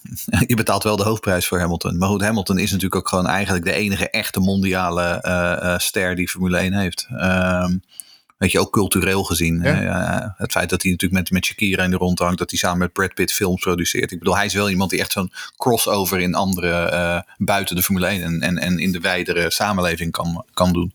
Dus hij is in die zin is natuurlijk, is hij, hij is commercieel ontzettend, en, ontzettend interessant. Maar ja, inderdaad, hoeveel wil je daarvoor betalen? Ja, dat, dat zal wel nog onderdeel van, uh, van uh, discussie zijn. Nee, maar Lewis moet zeker nog aanblijven. Maar dat zal toch wat midden, midden uitkomen dan? Ja, maar ik bedoel, Lewis kan nergens heen. En uh, nee, Mercedes kan, heeft geen enkele andere optie. Nee, ook, dus, de, de, ja. ja. het, enige wat, het enige wat hij kan, wat hij kan doen, is dus inderdaad bijvoorbeeld zeggen van... als jullie Sainz eruit zo, zo de mieteren, dan kom ik bij Ferrari zitten. Maar gaat, ja. hij, gaat hij dat doen? Ja, wat nee, moet je dan? Ik niet. Nee, dat, is gewoon ja, nee, maar, maar, ja, ja nee, dat ben ik wel met je eens. Maar ik bedoel, als je kijkt wat is er eventueel mogelijk. Kijk, Red Bull kun je vergeten. Dat, doet, dat, dat wordt hem sowieso niet. Uh, McLaren geloof ik ook niet in. Want die hebben, die hebben, die hebben zowel met, Nost, uh, met Norris als Piastri. Ja. Um, hebben ze gewoon twee jonge gasten aan boord. Wat ik zeg, Ferrari zou kunnen. Ja, alleen, maar het is ook een hele kleine is, kans. Want die hebben gewoon doorlopende ja, contracten, hè, alle twee. Ja, maar daar komen we weer. Ja. Wat we steeds zeggen. Ferrari heeft Alonso geprobeerd, Vettel geprobeerd. Het werkte met Schumacher. Omdat hij zijn hele achterban ja, meenemen. Nee, maar, Kijk, als ja, Lewis zijn achterban mee kan nemen, dan... Bij Hamilton is 8, wordt volgens mij 39 januari, als ik het uit mijn hoofd ja. zeg. Wat wel, moet hij nou bij Ferrari? Hey, daarom. Ferrari gaat echt nog de komende drie jaar absoluut geen wereldtitel winnen. Maar, dan is de kans nee. bij Mercedes, waar de organisatie ja. veel stabieler en beter is, is ja. de kans daar veel groter. Helemaal eens. Nou, en dit is dus ook waarom ik denk dat ze er uiteindelijk wel uitkomen. Ja. Dat ze in principe, in principe zijn ze het wel eens dat ze met elkaar verder willen, maar ze zijn nu de, de, de sommetjes onderaan uh, het formuliertje nog even aan het uitwerken. Ja, komt wel goed, komt wel goed. Uh, Jordi heeft een vraag over Ferrari nog. Over Ferrari nog even ja. kijken. Jordi, die zegt: um, Hoe denken jullie over de struggle bij Ferrari? uh, strategie is een soap. Ook dat Sainz niet meer weet wat plan B is. Misschien doordat ze plan A tot en met Z heeft. Als Vasseur het tij niet kan keren. Um, ja, nou, het punt met Vasseur is natuurlijk dat hij in principe nog maar net begonnen is. Um, relatief gezien. Hè. Vasseur, dit is zijn eerste seizoen. Dus ik bedoel, ik denk dat we sowieso. Die moet je nog even de tijd geven. Want nogmaals. We hebben het hier wel eens eerder over gehad. De hele tijd maar uh, dat teammanager wisselen, daar word je ook niet wijs van. Dus misschien moeten ze nu gewoon eens iemand een tijdje laten zitten. Als je, da als je je daar nu op gericht hebt, nou, dan moet je die man dus ook de kans geven. Um, maar um, kijk, en Vasseur en Leclerc, uh, die hebben een goede relatie al sinds uh, jaar en dag. Dus die twee die werken goed samen. Uh, ongetwijfeld zal Leclerc er ook nog wel enigszins een invloed in, in gehad hebben over het feit dat Vasseur naar Ferrari is gegaan. Maar ja, dat gaat tijd nodig hebben. En zoals Jeroen net zegt, um, in de komende twee, drie jaar. Um, ik, ik, ik, heb er een hard hoofd in dat, uh, dat Ferrari mee gaat doen om de wereldtitel. Um, dus nee, ja, nee. ze zullen op deze manier verder moeten. En daarna moeten ze gaan kijken wie ze naast Leclerc gaan zetten. Want, want uh, als Sainz weggaat, ja, wie zeg je er dan naast? Wie wordt de adjudant naast, uh, naast Leclerc? Ja, dat weet ik niet. Um, kijk, we weten natuurlijk dat ze een hele batterij uh, jong, jonkies in de, in de FDA hebben. Um, maar ik weet niet of ik nu uh, een 18-jarige Oliver Berman al naast uh, Charles Leclerc zou zetten, bij wijze van spreken. Maar ja, ze zijn hun junior team ook kwijt, want Alfa Romeo bestaat ook niet meer. Nee. binnen nu in een paar nee. jaar. Dus nee. wat, wat, wat ga je doen als Ferrari zijn? Het is best een lastige kwestie hoor. En ik moet zeggen, ik, ik weet het 2, 2, 3 niet. Wat zei je? Gewoon normaal rijden. Daar scoren ze wel nou ja, maar dat, maar dat doen ze wel. Kijk, ze hebben natuurlijk nog steeds Robert Schwartzman bijvoorbeeld. Die, die ooit uh, lid was van de, van de Ferrari Academy. En die gewoon echt wel heel goed was uh, in de Formule 2 en de Formule 3. Die uh, rijdt nu in, het, in de hypercars. Um, en staat onder contract zowel voor dit jaar als voor volgend jaar volgens mij. Dus het zou best kunnen dat ze misschien op een gegeven moment iemand inderdaad uit die hoek uh, gaan doorschuiven. Maar ook dat zou weer een enorm risico zijn. Dus ik weet het niet. Um, of gaan ze proberen op termijn Albon weg te halen bij, bij Williams? Ja, of uh, weet je, zo, zo, zoiets. Maar het, is, het, is, het, is, het ligt niet voor de hand. Um, kijk, bij de, bij, de, bij de andere teams kun je het allemaal wel een beetje uh, invullen. Maar Ferrari zit gewoon in een lastig pakket momenteel. Um, en ik vrees dat ze daar voorlopig nog niet uit gaan komen. Nee, we kunnen het wel continu over de, over de rijders hebben bij Ferrari. Maar Leclerc en Sainz zijn helemaal het probleem ook niet Nee. bij Ferrari natuurlijk. hè. Nee. Nee, Het probleem is gewoon die hele organisatie. En eh, dat, dat is gewoon het grote probleem. Ehm, Jeroen stuurde een foto van eh, Piastri. Die werd geïnterviewd met op de achtergrond een lachende Fernando Alonso. Volgens mij was het de Sky Ja. Sport. Eh, hij lacht wel, dat vind ik mooi. Want eh, hij, ze scoorde maar, hij scoorde maar zes punten afgelopen weekend. Was evenveel als eh, in Spanje. Ja, maar, Maar, het is, Aston Martin zit er niet meer zo lekker bij. Nou ja, Stroll natuurlijk sowieso wel niet meer. Maar nee, in Oostenrijk ook niet. Maar ehm, what's up? Nou ja, goed, daar hebben we dus ook een vraag over van Bob van Valkenhoef. Was dit een one-off voor Aston Martin? Ehm, een beetje de omgekeerde vraag van McLaren net. En het antwoord is eigenlijk ook een beetje omgekeerd. Want die Aston Martin, die heeft dus... eh, die is helemaal niet efficiënt eh, qua aerodynamica en rechte, rechte lijnsnelheid. Maar die heeft wel enorm veel downforce. Hè? Bijna evenveel downforce als, als de Red Bull heeft. Dus die zal op zijn... Op, ik verwacht eigenlijk... Ik, ik denk, ik wil in ieder geval voordat ik een oordeel vel over of ze nou echt terugvallen... Hongarije even afwachten. Want daar hebben ze natuurlijk een totaal ander circuit. Daar hebben ze geen last van dat ze langzamer zijn op de rechte stuk en de snelle bochten. Eh, ik, ik verwacht eigenlijk dat Aston Martin eh, in Hongarije eh, gewoon het tweede team zou kunnen zijn. Ja, dat verwacht ik eigenlijk wel weer. Want die hebben echt een pak downforce op dat ding zitten hoor. Komen ze met een update nog? Dat durf ik niet te zeggen. Wanneer Nee. gaat de fabriek open? Red Bull komt wel met een update. Maar, ja, Ja, maar ongetwijfeld, Aston, Aston komt natuurlijk nog wel met een update. Dat kan nee, maar voor anders. Hongarije weet ik niet. Dat weet ik Ja. niet. Niet- Hongarije, weet nee, ik dat, dat denk ik niet. Want voor mij zijn ze net... Wanneer, hij zat er in Barcelona? Ging, ging er Ja, met op, geloof ik ja. toch? Ehm, maar je merkt wel... Kijk, het punt is natuurlijk ook... hè, Ze, ze, ze hadden een hele goede baseline waarmee ze begonnen. Maar je ziet nu inderdaad... McLaren heeft echt een stap eh, voorwaarts gemaakt. McLaren, ja. Ehm, en Ferrari en, en, en Mercedes zijn hard aan het werk. Dus ja, het, wordt, het loopt wel een beetje in. Je merkt wel inderdaad dat langzaam maar zeker Aston Martin toch een beetje begint terug te vallen van overduidelijk nummer twee naar nou, misschien wel nummer drie en af en toe nummer vier. Kijk, en dan merk je inderdaad dat zo'n Lance Stroll, die kan het gewoon niet meer bolwerken. Zo simpel is het. Ehm, en ik bedoel, wat, wat, god, wat hij bij Gasly deed. Wat een... Ja, ja, dat, Die, eh, die, die, die man, die, man de, die jongen rijdt nog steeds als een idioot soms. Eh, En, en, en ja, dan krijgt hij een penalty en dan eindigt hij als 14 of 15 of zo. Eh, en, en inmiddels hebben we tien races gehad en Alonso heeft nu al drie keer zoveel punten als, hij, als Stroll. Ja, het, is, het, weet je, het is het gewoon niet, die joh. Nee, maar ik wil Ehm, voor een echt oordeel Hongarije en ook Zandvoort bijvoorbeeld, daar verwacht ik nog wel wat Ja. van Aston Martin. Dat zijn circuits waar ze echt wel mee moeten doen. En is dat niet zo, ja, dan hebben ze wel echt een probleem. En dan gaan ze terugvallen op de ranking, ja. Ja. Moeten nu wel aanhaken. Ja, terwijl we echt wel zaten te hopen nog steeds eh, of Alonso nog gaat winnen. Maar, eh, Ja, maar dat die- wordt, er komt wel een dag, er komt echt een dag dat Max Verstappen een race niet wint. Maar ja, of dat eh, binnen nu en twee jaar is, dat weet ik niet. Ach ja. Maar ik moet zeggen dat, dat, dat beeld inderdaad van, van Piastri die voor de camera staat en dan zo'n breed grijzende Alonso erachter, die, die gaat hier aan de muur hoor, die, eh, dat, dat dat screenshot. is toch- Echt geweldig. Want het is natuurlijk, kijk, het, het verhaal erachter is natuurlijk geweldig. Ja. Hè? Eh, Alpine, Alpine had die twee onder contract kunnen hebben staan. Ehm, Ja. Maar eh, Alonso is weggegaan bij Alpine en heeft vervolgens eh, ehm, is zodanig zeg maar een stok in de wielen geweest dat ook Piastri eh wandel is gegaan en die heeft zichzelf bij McLaren naar binnen gepraat.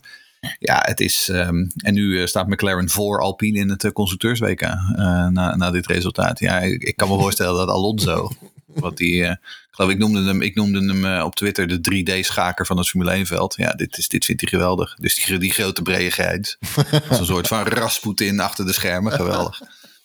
Alonso is ook echt wel een beetje een haatragend mannetje. en Zo, dat is wel Een beetje maar. Ja, een klein beetje maar. Echt heel mooi om te zien. Race Reporter is een onafhankelijke podcast. En moet het hebben van donateurs, donaties. Supporter, Race Reporter. Help ons de zomer door. Eh, voor van anderen Airco. Jeroen zal ik even het raam open doen? Of heb je, trek je het nog wel? Ik eh, trek het eh, prima allemaal. Goed, ja. gelukkig. Ga naar petjeaf.com slash Podcast of f1podcast.nl en klik op doneer. Het weekend van Nick de Vries en Alfa Tauri. Alfa Tauri krijgt volgend jaar een nieuwe naam. Dat gaan we in de gaten houden. Wat gaan ze doen? Ik voorspel dus een, een, een, dat ze het gaan verhuren aan Porsche. Maar Nick de Vries, het weekend van Nick de Vries. Ja, weet er je, van. eigenlijk, eigenlijk was er niet eens zo heel veel, eh, ging er niet eens zo heel veel fout bij Nick de Vries. Hè? Ik bedoel, hij, hij, hij deed het best heel aardig. Zat ook in de wedstrijd, um, vooral onze, onze Nick de Vries-watcher Charles. Charles die doet dat vrijwillig. Die, die kijkt de hele Formule 1 race, kijkt hij naar de onboard van Nick de Vries. Ehm, en en nou, die, die hield ons op de hoogte en die zei, Nick zit gewoon lekker in de wedstrijd. En toen uiteindelijk, ja, in de slotfase had hij schijnbaar een probleem met, de, ehm, met de, de achterwielophanging, waardoor hij terugviel naar de laatste plek. En dan had hij tot overmaat van ramp ook nog de pech dat uh, Logan Sargent als elfde finishte. En nu staat Nick de Vries daardoor um, op zeker allerlaatste in het WK. Ze hebben een Nederlander helemaal aan kop en een Nederlander helemaal onderaan. Um, ik denk, nogmaals, ik denk dat met Nick de Vries zelf uh, qua dit weekend was het niet eens zo heel verkeerd. Het is alleen, weet je, hij, hij, hij, valt niet op. Er zitten geen uitschieters tussen. Je hebt geen moment iets dat je denkt van, nou, nou, nou, god, ik, nee, dit is echt, je, hier, hier, staat wat te gebeuren. Um, en natuurlijk, die auto is waardeloos, want Alfa Tauri staat helemaal onderaan in het WK. Ze hebben twee schamele WK-puntjes. Uh, zelfs Alfa en Haas hebben er zeven meer. Um, en Williams begint natuurlijk nu ook al een beetje echt op gang te komen. Uh, en Albon scoort daar goed. Maar um, ja, hij zit op dit moment gewoon in de minste auto van het veld. Uh, en dat is gewoon heel moeilijk indruk maken. En als je dan vervolgens ook inderdaad een Helmoet Marco hebt... die via de media allemaal toespelingen gaat maken... dat je misschien Zandvoort wel niet haalt. En dan zit je op dit moment gewoon niet lekker in je vel. Um, en ja. dat is wel, ja, dat is jammer. Maar ja, je zit natuurlijk hij zit natuurlijk ook nog eens naast Yuki Tsunoda. En dat is ook nog eens mm. een van de magere coureurs van het veld. Hè? Want die zit nu in zijn derde jaar. En daar zien we wel, hè? die doet het best wel aardig, maar niet verheffend, zeg maar. Kijk, dat is natuurlijk, Yuki Tsunoda is natuurlijk niet een jongen die ooit nog naar Red Bull toe gaat. Uh, dat kan ik me niet voorstellen in ieder geval. En die heeft wel een bepaalde doorontwikkeling gemaakt. Maar is nou niet bepaald een jongen die he, hele grote stappen maakt. En ik bedoel, zo'n Nick de Vries Hè, ik heb het wel eerder gezegd. Ik vind altijd bij jongens moet je altijd jonge jongens moet je altijd een beetje kijken naar hun uitschieters, want dan kunnen ze dan misschien naar dat niveau toe groeien. Ja, ik zie ook inderdaad helemaal niks, geen uitschieter, weet je. En um, dus ja, ik denk dat het gewoon een heel erg moeilijk verhaal gaat worden, inderdaad. En ik, ik, ik heb, als hij al dit seizoen overleeft, dan is hij voor 2024 wel gezien. Dat is, die beslissing is denk ik al lang genomen. Want ik bedoel, we hebben natuurlijk ook, we hebben het net al gehad over uh, Palau of Palau, dat weet ik niet zo goed hoe je dat zegt. Palau. Palau hoor ik net uit betrouwbare bron. uh, maar uh, ik, ik moet wel zeggen dat ze hebben ook nog Liam Lawson natuurlijk. En ik ben niet 100% overtuigd van Liam Lawson. Maar Liam Lawson is wel een man die nu in de fase zit. Hij moet een stap naar de Formule 1 maken of het is voorbij. Hè? Dat moment is gepasseerd. Dan moet hij eigenlijk door naar de WEC of weet ik veel wat. Dan gaat hij, ja. Of IndyCars of Formule E of zo. Dan gaat hij iets anders doen. Uh, maar dit is het moment voor Lawson om over te gaan naar Alfa Tauri. En eigenlijk, het zou zomaar kunnen dat we volgend jaar niet alleen een ander uh, teamnaam hebben. En we hebben Laurent McKies misschien wel die daar de scepter zwaait. Maar we hebben misschien ook wel twee compleet nieuwe coureurs. Hoor. Want ik, ik, ik vermoed eigenlijk dat ook Yuki Tsunoda wel aan zijn laatste jaar bij Alfa Tauri bezig is. Nou, het punt is wat je zegt, hè, hij zit in zijn derde jaar. En, en ik, en uiteindelijk de enige uh, rol die AlphaTauri heeft is uh, ja. kijken of je een, een nieuwe Red Bull coureur kunt. Ik, ik, ik zie er geen Red Bull coureur nee. in, daar ben ik met je eens. Um, nou heb ik ook wel gehoord um, dat uh, AlphaTauri intern heel erg zegt van ja, Yuki Tsunoda die, die schrijven we heel hoog aan. Nou dat zal, misschien is dat zo. Um, ik, ik zie het niet. en Lawson, Um, kijk, wat we weten ook dat Red Bull, op het moment dat ze het gewoon niet meer zien zitten in een coureur, dan, dan uh, ga je de rukzichtloos uit. Hè? Dat is, en, en dat kan al in de Formule 3 of in de Formule Regional gebeuren. Maar Liam Lawson, die blijven ze steunen. Die hebben ze speciaal naar Japan gestuurd. Dat hebben ze met Gasly al een keer gedaan. Um, die werd vervolgens ook gepromoveerd vanuit de Superformula naar uh, de Formule 1. Um, Lawson heeft in zijn debuutjaar in Japan bijna al zijn races in de top 5 gefinished. Is geloof ik al twee keer, heeft geloof ik al twee keer gewonnen. Dus doet het daar gewoon best heel aardig. Um, dus ja, wat jij zegt, de volgende logische, enige logische stap, ook vanuit Red Bull, als ze zo lang in zo'n jongen geïnvesteerd hebben, ja, dan moet je hem nu doorschuiven. Uh, of je moet inderdaad, je moet, hem, je moet hem wegsturen. Maar ik heb wel het idee inderdaad dat ze gewoon wel echt uh, uh, geloven in een jongen als Liam Lawson. Dus het zou zomaar kunnen dat ze volgend jaar met Lawson en Palo rijden, bij wijze van spreken. Dat dat het rijdersduo wordt, ja. ja dat, dat zou mij helemaal niet verbazen. Nee, want Lawson kan niet nog eens naar de Formule 2 of iets anders gaan doen. Dat is echt gewoon nu die ja, stap dat heeft hij al gedaan. Ja, Lawson heeft al Formule 2 gedaan. Ja, ja. dus uh, nou ja, eens. Ja, ik, ik blijf bij mijn complottheorietje. Ik nou, en wat is jouw complotje? Nou, ik, ik, ga kijken of uh, Porsche F1.com al geregistreerd oh, is. Oh nee, ja, nee, Porsche gaat helemaal niks doen met AlphaTauri. Oh, niet? niet? Nee, er wordt gewoon een andere nee, naam dat... en dat gaat gewoon zo nee. door. Zoals nu met Laurent Marquis, dat zullen ze nog een beetje oversteggelen. En dat zal waarschijnlijk de gedroomde opvolger zijn. En, uh, maar dan wordt het gewoon Kijk, toch... Zou, het zou best kunnen, wat zou best zou kunnen is dat ze een grote... Nee, maar dat ze een grote uh, corporate sponsor, sponsor vinden. Een partner, weet je. Ja. En dat ze dan dus inderdaad, dat je dan dus inderdaad een soort van uh, een, een naming deal krijgt of iets dergelijks. Um, maar ik bedoel, weet je, het is nog steeds een team wat uiteindelijk half uh, grotendeels gefinancierd wordt door de Red Bull Group. Um, dus er zal nog steeds een link zitten met, uh, met Red Bull. Maar ja, dat hele Alfa Tauri kledingsmerk, dat werd natuurlijk een paar jaar geleden met veel tamtam -tam gelanceerd. En dat oh, heeft volgens mij niet zo heel veel zoden aan de dijk gezet. Dus. Nee. eh, schakelen ze nu weer door. Ondertussen moeten ze natuurlijk ook wel even kijken naar dat Alfa Tauri zelf. Hè? Want volgens mij gaan ze nu ook, eh, zijn ze wel serieus bezig om er weer een soort van tweede Red Bull van te maken. Want ze hebben natuurlijk, het is Mm. natuurlijk krankzinnig dat je de snelste auto van het veld hebt. En dat je langzaamste. gewoon het zwakste. Je moet gewoon natuurlijk Ja. veel meer van alles wat je zou mogen kopiëren. Moet je, dat deden ze vroeger natuurlijk ook. Dat zou je eigenlijk gewoon weer van die Red Bull moeten kopiëren. Dit slaat natuurlijk helemaal nergens op. Al, kopen ze de auto van vorig jaar. Ja, nou ja, goed. Ik, dat, dat mag volgens Bij mij niet. Maar de, de- je kan, Dat mag de niet, nee. onderdelen die je, mag, eh, die je kan kopiëren, zoals Hazo bij Ferrari, eh, zoals Red Bull, of AlphaTauri vroeger ook altijd deed bij Red Bull. Ja, dat zou je. Dit is krankzinnig natuurlijk. Moet gewoon weer terug naar 1995, toen de Ligier de Benetton B195 was. Ja, inderdaad. Ja. omdat, Tom, omdat Tom Walkinshaw eigen, eigen halve eigenaar was van allebei. Ehm, en dan hebben we ook nog een vraag van Els. En die vraagt, waarom is Nick de Vries een discussiepunt... terwijl Nicolas Latifi twee jaar lang zo rond kon rijden? Goeie vraag. Ehm, dat is een goede Eens. vraag, absoluut. Ehm, maar dat heeft natuurlijk te maken met de twee verschillende omstandigheden waarin eh, eh, die jongens de Formule 1 binnen zijn gekomen. Hè. Eh, Nick de Vries is eigenlijk een soort van placeholder bij Alfa Tauri. Terwijl Nicolas Latifi natuurlijk zichzelf bij Williams inkocht, omdat Nicolas Latifi een papa heeft. Ehm, en de papa van Nicolas Latifi, die eh, nam wat is dat, 30, 40, 50 miljoen dollar mee. Ehm, en er stond er heel groot Lavazza op die Williams destijds. Want uh, papa Latifi heeft een heel groot voedingsconcern. Uh, oftewel, Nicolas Latifi die betaalde gewoon grof geld voor dat stoeltje. Um, en vooral in die periode toen Williams echt, nou ja, de nagels niet had om de reet te krabben, um, uh, konden ze dat geld heel goed gebruiken. En dus zat Nicolas Latifi in die auto, terwijl iedereen wist dat hij eigenlijk helemaal niks in die auto te zoeken had. En sinds die nieuwe investeerders er kwamen, ja, op dat moment was het ook gezien voor Latifi. Want toen hebben ze hem er meteen uitgebonjourd. Dus dat is, uh, dat is de reden. Nou, duidelijk antwoord.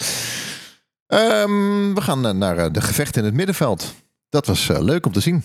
Ik hoor een aantal mensen die zeggen: ja, ik vind het niet zo, niet zo spannend. Max wint alles. Ja, maar nou en er zijn nee, nog meer auto's. Gewoon, als je ik deze, vind het hartstikke leuk. Het is gewoon een gemiddelde Formule 1 race. Gewoon een prima race. Weet Ja. je, we hadden vooraan wat, uh, daar niet veel strijd, maar om het podium hadden we in ieder geval veel strijd. En in het middenveld hadden we gewoon goed strijd. Dus het is gewoon een goede Formule 1 race. Als je dit echt eh, doodsaai vinden, dan moet je gewoon uh, lekker naar Wimbledon of zo gaan kijken of Tour de France. ja. ja. Albon was lekker bezig. P8 en Sargent naar P11. Nou ja, ik, ik blijf zeggen dat ik het. Ik vind, ik, ik vind het ontzettend knap hoe Albon eh, zijn, zijn carrière een nieuw leven in heeft geblazen. Want we dachten toch allemaal een beetje stiekem dat het een beetje klaar was. Uh, wat dat betreft is hij een groot voorbeeld voor iemand als, als Mick Schumacher, zeg maar. Albon heeft. Ik, ik, ik, ik, ben toch heel vaak onder de indruk van Albon, merk ik. En um, het is ook gewoon een ontzettend leuk joch om erbij te hebben. Ik ben blij dat hij Formule 1 uh, nog steeds rijdt. En dat zeg ik. ik. Ik zie ook op zich wel een stapje naar boven voor. Met wel een beetje servet en tafellaken. Ik denk hij wordt niet echt een uh, grote ster met uh, overwinningen of zo. Maar hij zou als tweede man bij een, bij een topteam zou hij wel terecht kunnen. Of als kopman. Of wel bij, bij een iets groter team als waar hij nu zit. weet je, misschien Alpine of zo. Zou hij ook wel, dat niveau kan hij ook wel aanhaken. Van, van Ocon en Gasly, denk ik. Makkelijk. Um, ja, leuk joch. Goed. En, en de, tegelijkertijd staat er tegenover dat Sargent is ook een beetje... Ja, weet je, ik vond dit wel een redelijke race van hem. Maar met P11, dat, dat, ja, dat is net achter de beide Ferraris. Eigenlijk langs, achter alleen maar logische mensen. Hè? Achter de vier grote teams en achter hmm. zijn teamgenoot. Dus je kan hem niet heel veel kwalijk nemen. Maar Sargent heeft wel een beetje wat Nick de Vries ook heeft. En wat ik net al zei, je wil af en toe bij die jonge talenten wil je een uitschieter zien. Nou, die heeft Sargent niet echt. Ik bedoel, ik heb dat eigenlijk, nou echt niet eigenlijk, mag ik wel eerlijk zeggen. Ik vind Sargent ook echt, ja, hij rijdt ook rond. En ja. voor de rest doet hij verder niet mij opwinden of zo als ik voor de tv zit. Nee. Nee, het enige wat je bij hem nog kunt, uh, in ieder geval nog als, als verzachte omstandigheid, is dat hij echt een rookie is. Uh, kijk, Nick de Vries is wat mij betreft niet een klassieke rookie, omdat hij al zoveel ervaring heeft. Hè. Hij heeft natuurlijk, uh, hij is, natuurlijk al, is natuurlijk al een keer wereldkampioen geweest. Hij heeft echt heel lang in de, in de GP2 gereden ook, is daar kampioen. Kijk, Sargent die had één jaar in de, in de GP2 en ging daarna meteen door. F2. Um, uh, in de F2, ja, gelijk. Uh, maar ik bedoel, weet je, die, die is echt nog wel een stuk groener dan ik de Vries in die zin. Dus ik, ik, zo'n Sargent, die wil, ik, die wil ik nog wel wat meer uh, de tijd geven. Omdat we het gewoon weten. Het is, gewoon, het is een moeilijke sport om, om als, als rookie echt jezelf goed in te vestigen. Um, maar ik denk niet dat Sargent een wereldkampioen in de dop is. Nee, dat denk ik niet. Nee, maar je haalt wel op zich wel een goed punt aan. Want we hebben natuurlijk... Kijk, het is natuurlijk Formule 1. Hè, dus je wordt gewoon afgerekend. Na drie races beginnen ze al af te rekenen. Hè, dat is natuurlijk waar. Maar eigenlijk... Uh, kijk, de goede manier is natuurlijk om een talent gewoon twee, drie jaar te geven. Want ze ontwikkelen, ja. de, de goede ontwikkelen, ze ontwikkelen zich niet allemaal zoals Max Verstappen, want dat is buiten categorie. Nee, helemaal niet De zelfs. categorie daaronder kan wel degelijk een hele goede Formule 1 coureur worden. Alleen die moet je, Maar ik, die hebben net iets meer tijd nodig allemaal.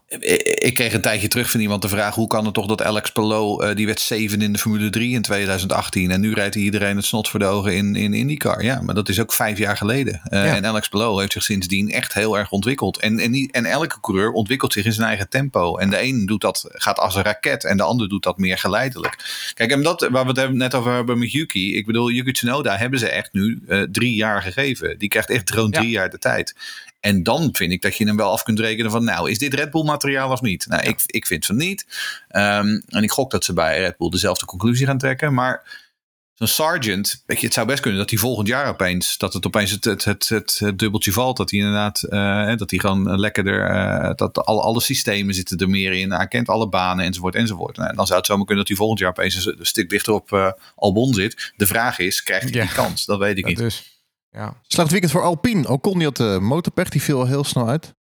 Gasly, die werd echt heel grof geëlimineerd door Stroll, hebben we al besproken dat- net. Maar dat Ja, maar dat- weer helemaal nergens Nee, op. maar daarvoor al, hè, want ik, ik, Gasly won zich nogal op over het feit achteraf dat eh Stroll hem buiten de baan inhaalt. En hij heeft daar wel een punt natuurlijk. Ja. Want Stroll rijdt daar gewoon iets te hard, waardoor hij buiten de baan komt. Dan rijdt hij buitenom eh, bij Gasly. En er wordt, ik, volgens mij is het wel naar gekeken, maar hij werd vrijgesproken. En dan denk ik, ja, hoe is het mogelijk? We hebben het continu in Oostenrijk, hebben we, eh, volgens mij 1200 eh, track limits gezien. Ja. Eh, hier haalt iemand, hè, we hebben het akkefietje toen met Max Verstappen op Hamilton in Bahrein gehad. Was ook buiten de baan inhalen. Ja. Dus Max gaf zijn plekje terug. Ja. En hier hoeft Stroll dat niet. Ja, ik, ik vind dat ook een onbegrijpelijke actie van de wedstrijdleiding. Helemaal eens. Echt waanzinnig. Maar nu, dit is het dus weer. Want nogmaals, eerder, ik vond dat akkefietje Charles Leclerc en, en Russell vond ik dus ook. Maar het is weer die willekeur. Ja. Er, er is geen pijl op te, er is geen pijl op te trekken. Want we hebben ooit gezegd van ja, breaking under eh, of moving under breaking, dat mag niet. Dat is echt dat is een doodzonde. Nou, Leclerc doet dat eh, twee keer en Ja. krijgt niks. En inderdaad nu inderdaad een, een, een Stroll inderdaad, die inderdaad zo gewoon buiten de baan. Hè, na, dat, na het hele Oostenrijk gedoe, na track limits gedoe. En nu is het opeens prima. Ja. Ik, ik, ik, ik, ik- er is geen pijl op te trekken. Kijk, kijk, kijk, race-incident heb je altijd. Dat is altijd een beetje judgmental. Hè? Het is een beetje subjectief. Wat vind je ervan? Heb je net iets hè, eerder geremd op de, waar de apex eh, puntjes, wieltjes en inschattingsfout. dingetjes. Maar dit is heel simpel. Er staat daar gewoon een lijn en dan ga je buiten en dan haal je in. Ja, daar heb je de voordeel van. Hoe kan dat geen straf zijn? Dit vind ik echt onbegrijpelijk. Vooral omdat in de Formule 2 exact hetzelfde Ja. gebeurde. Hè? Ehm, waar ook, ehm, nu, moet ik, nu moet je me even helpen, maar daar deed ook eh, de koploper, die haalde ook buitenom in en die kreeg daar gewoon vijf seconden voor. Terecht. Ehm, Of je moet de plek teruggeven. Eén van de twee. exact, ja. Dat zit. Ehm, dus ik bedoel, wees gewoon constant. Ehm, maar goed, Alpine, hè, ik bedoel, kijk, we hadden het, we hadden het hier natuurlijk in onze seizoensvoorbeschouwing over. Van wat moet Alpine nou oplossen ten opzichte van 2022? Nou, die betrouwbaarheid die mag wel een keer beter. En het, is, het, is, het blijft een technisch tranendal, dat, dat, dat Alpine. Er gaat zoveel stuk daar. Nou, je dat zegt, ik was afgelopen weekend op vakantie en ik was in Diepe. En daar wordt eh, de Alpine gemaakt, schijnt. Jeep, waarschijnlijk. Maar Oh, en eh, ik heb daar één, één eh, ik heb de hele vakantie één Alpine gezien. Dus ik snap ook niet hoe... en die reed eh, nog wel? Of? Nee, nee, die stond serieus tentoon op Oh. een rotonde. Maar ook dat hele merk, gewoon sowieso in het algemeen. Nou, het was in de jaren Ja. 60 of 70 bouw- bouw- bouwden ze natuurlijk zo'n ding. Daar hebben ze nog steeds een beetje een soort van reputatie in over. En dan hebben ze het een paar jaar geleden het opnieuw opgestart. En ze hebben voor mij één sportwagentje. Precies. Nou, hebben, Het ziet er leuk uit hoor, maar ik bedoel, ik zie ze nooit. ze hebben vandaag wel iemand nieuw aangesteld. Hè? Die zit dan eh, onder Laurent Rossi en boven eh Safnauer. Mhm. Eh, ik ben even zijn naam kwijt, maar ik las het toevallig eh, voordat ik hier naartoe ging op Twitter. Lag ik dat, eh, dat, dat ze wel een tussenlaag hebben ingebouwd qua management. Oké.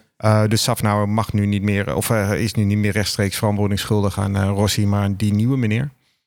Dus ze zijn daar wel volop bezig. Want ja, kijk, ik bedoel, de Renault en Alpine die rijden nu alweer hè, zo lang met een eigen team rond. En er komt eigenlijk helemaal niks uit. Weet je, behalve die ene overwinning toen, die lucky overwinning van Ocon. En een podiumpje hier of daar. Maar voor de rest is het natuurlijk wel heel triest, die vooruitgang. Het is gewoon een fabrieksteam hè, waar we het over hebben. Hè, waar echt, zeggen. Maar ik heb bij hun altijd het idee dat ze denken... oké, we stoppen er een 100, of een, een, een 100 miljoen in.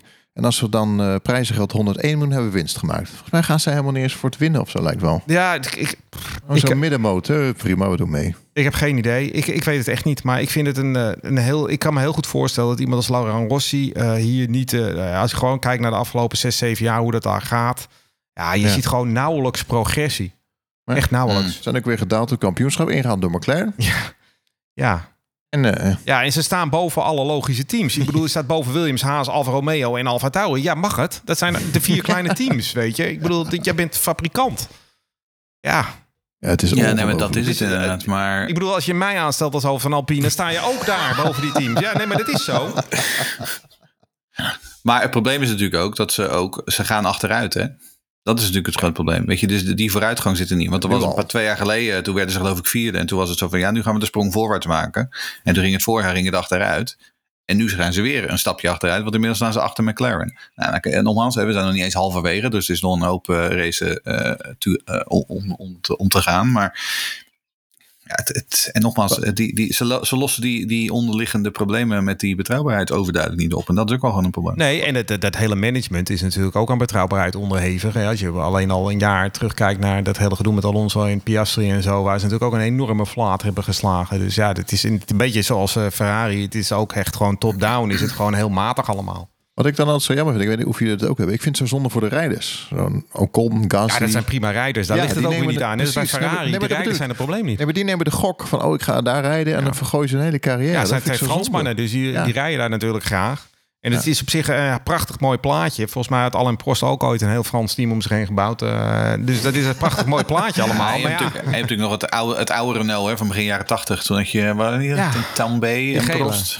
Ja. Ja. die gele. Ja, dat was een mooie. Prost. Ja, ja het, het, het, het, het, is, het is mooi, maar je vraagt je ook soms, net als bij Ferrari, wel eens af of dat soort nationalisme niet een beetje Ja. eh, verblindend werkt inderdaad. Want ehm, Je moet gewoon voor succes gaan, denk ik. Ja, maar- ik bedoel, je kan je niet voorstellen dat Red Bull allemaal Oostenrijkers aan gaat stellen, toch? Ja, of een Nederlands team, allemaal Nederlanders.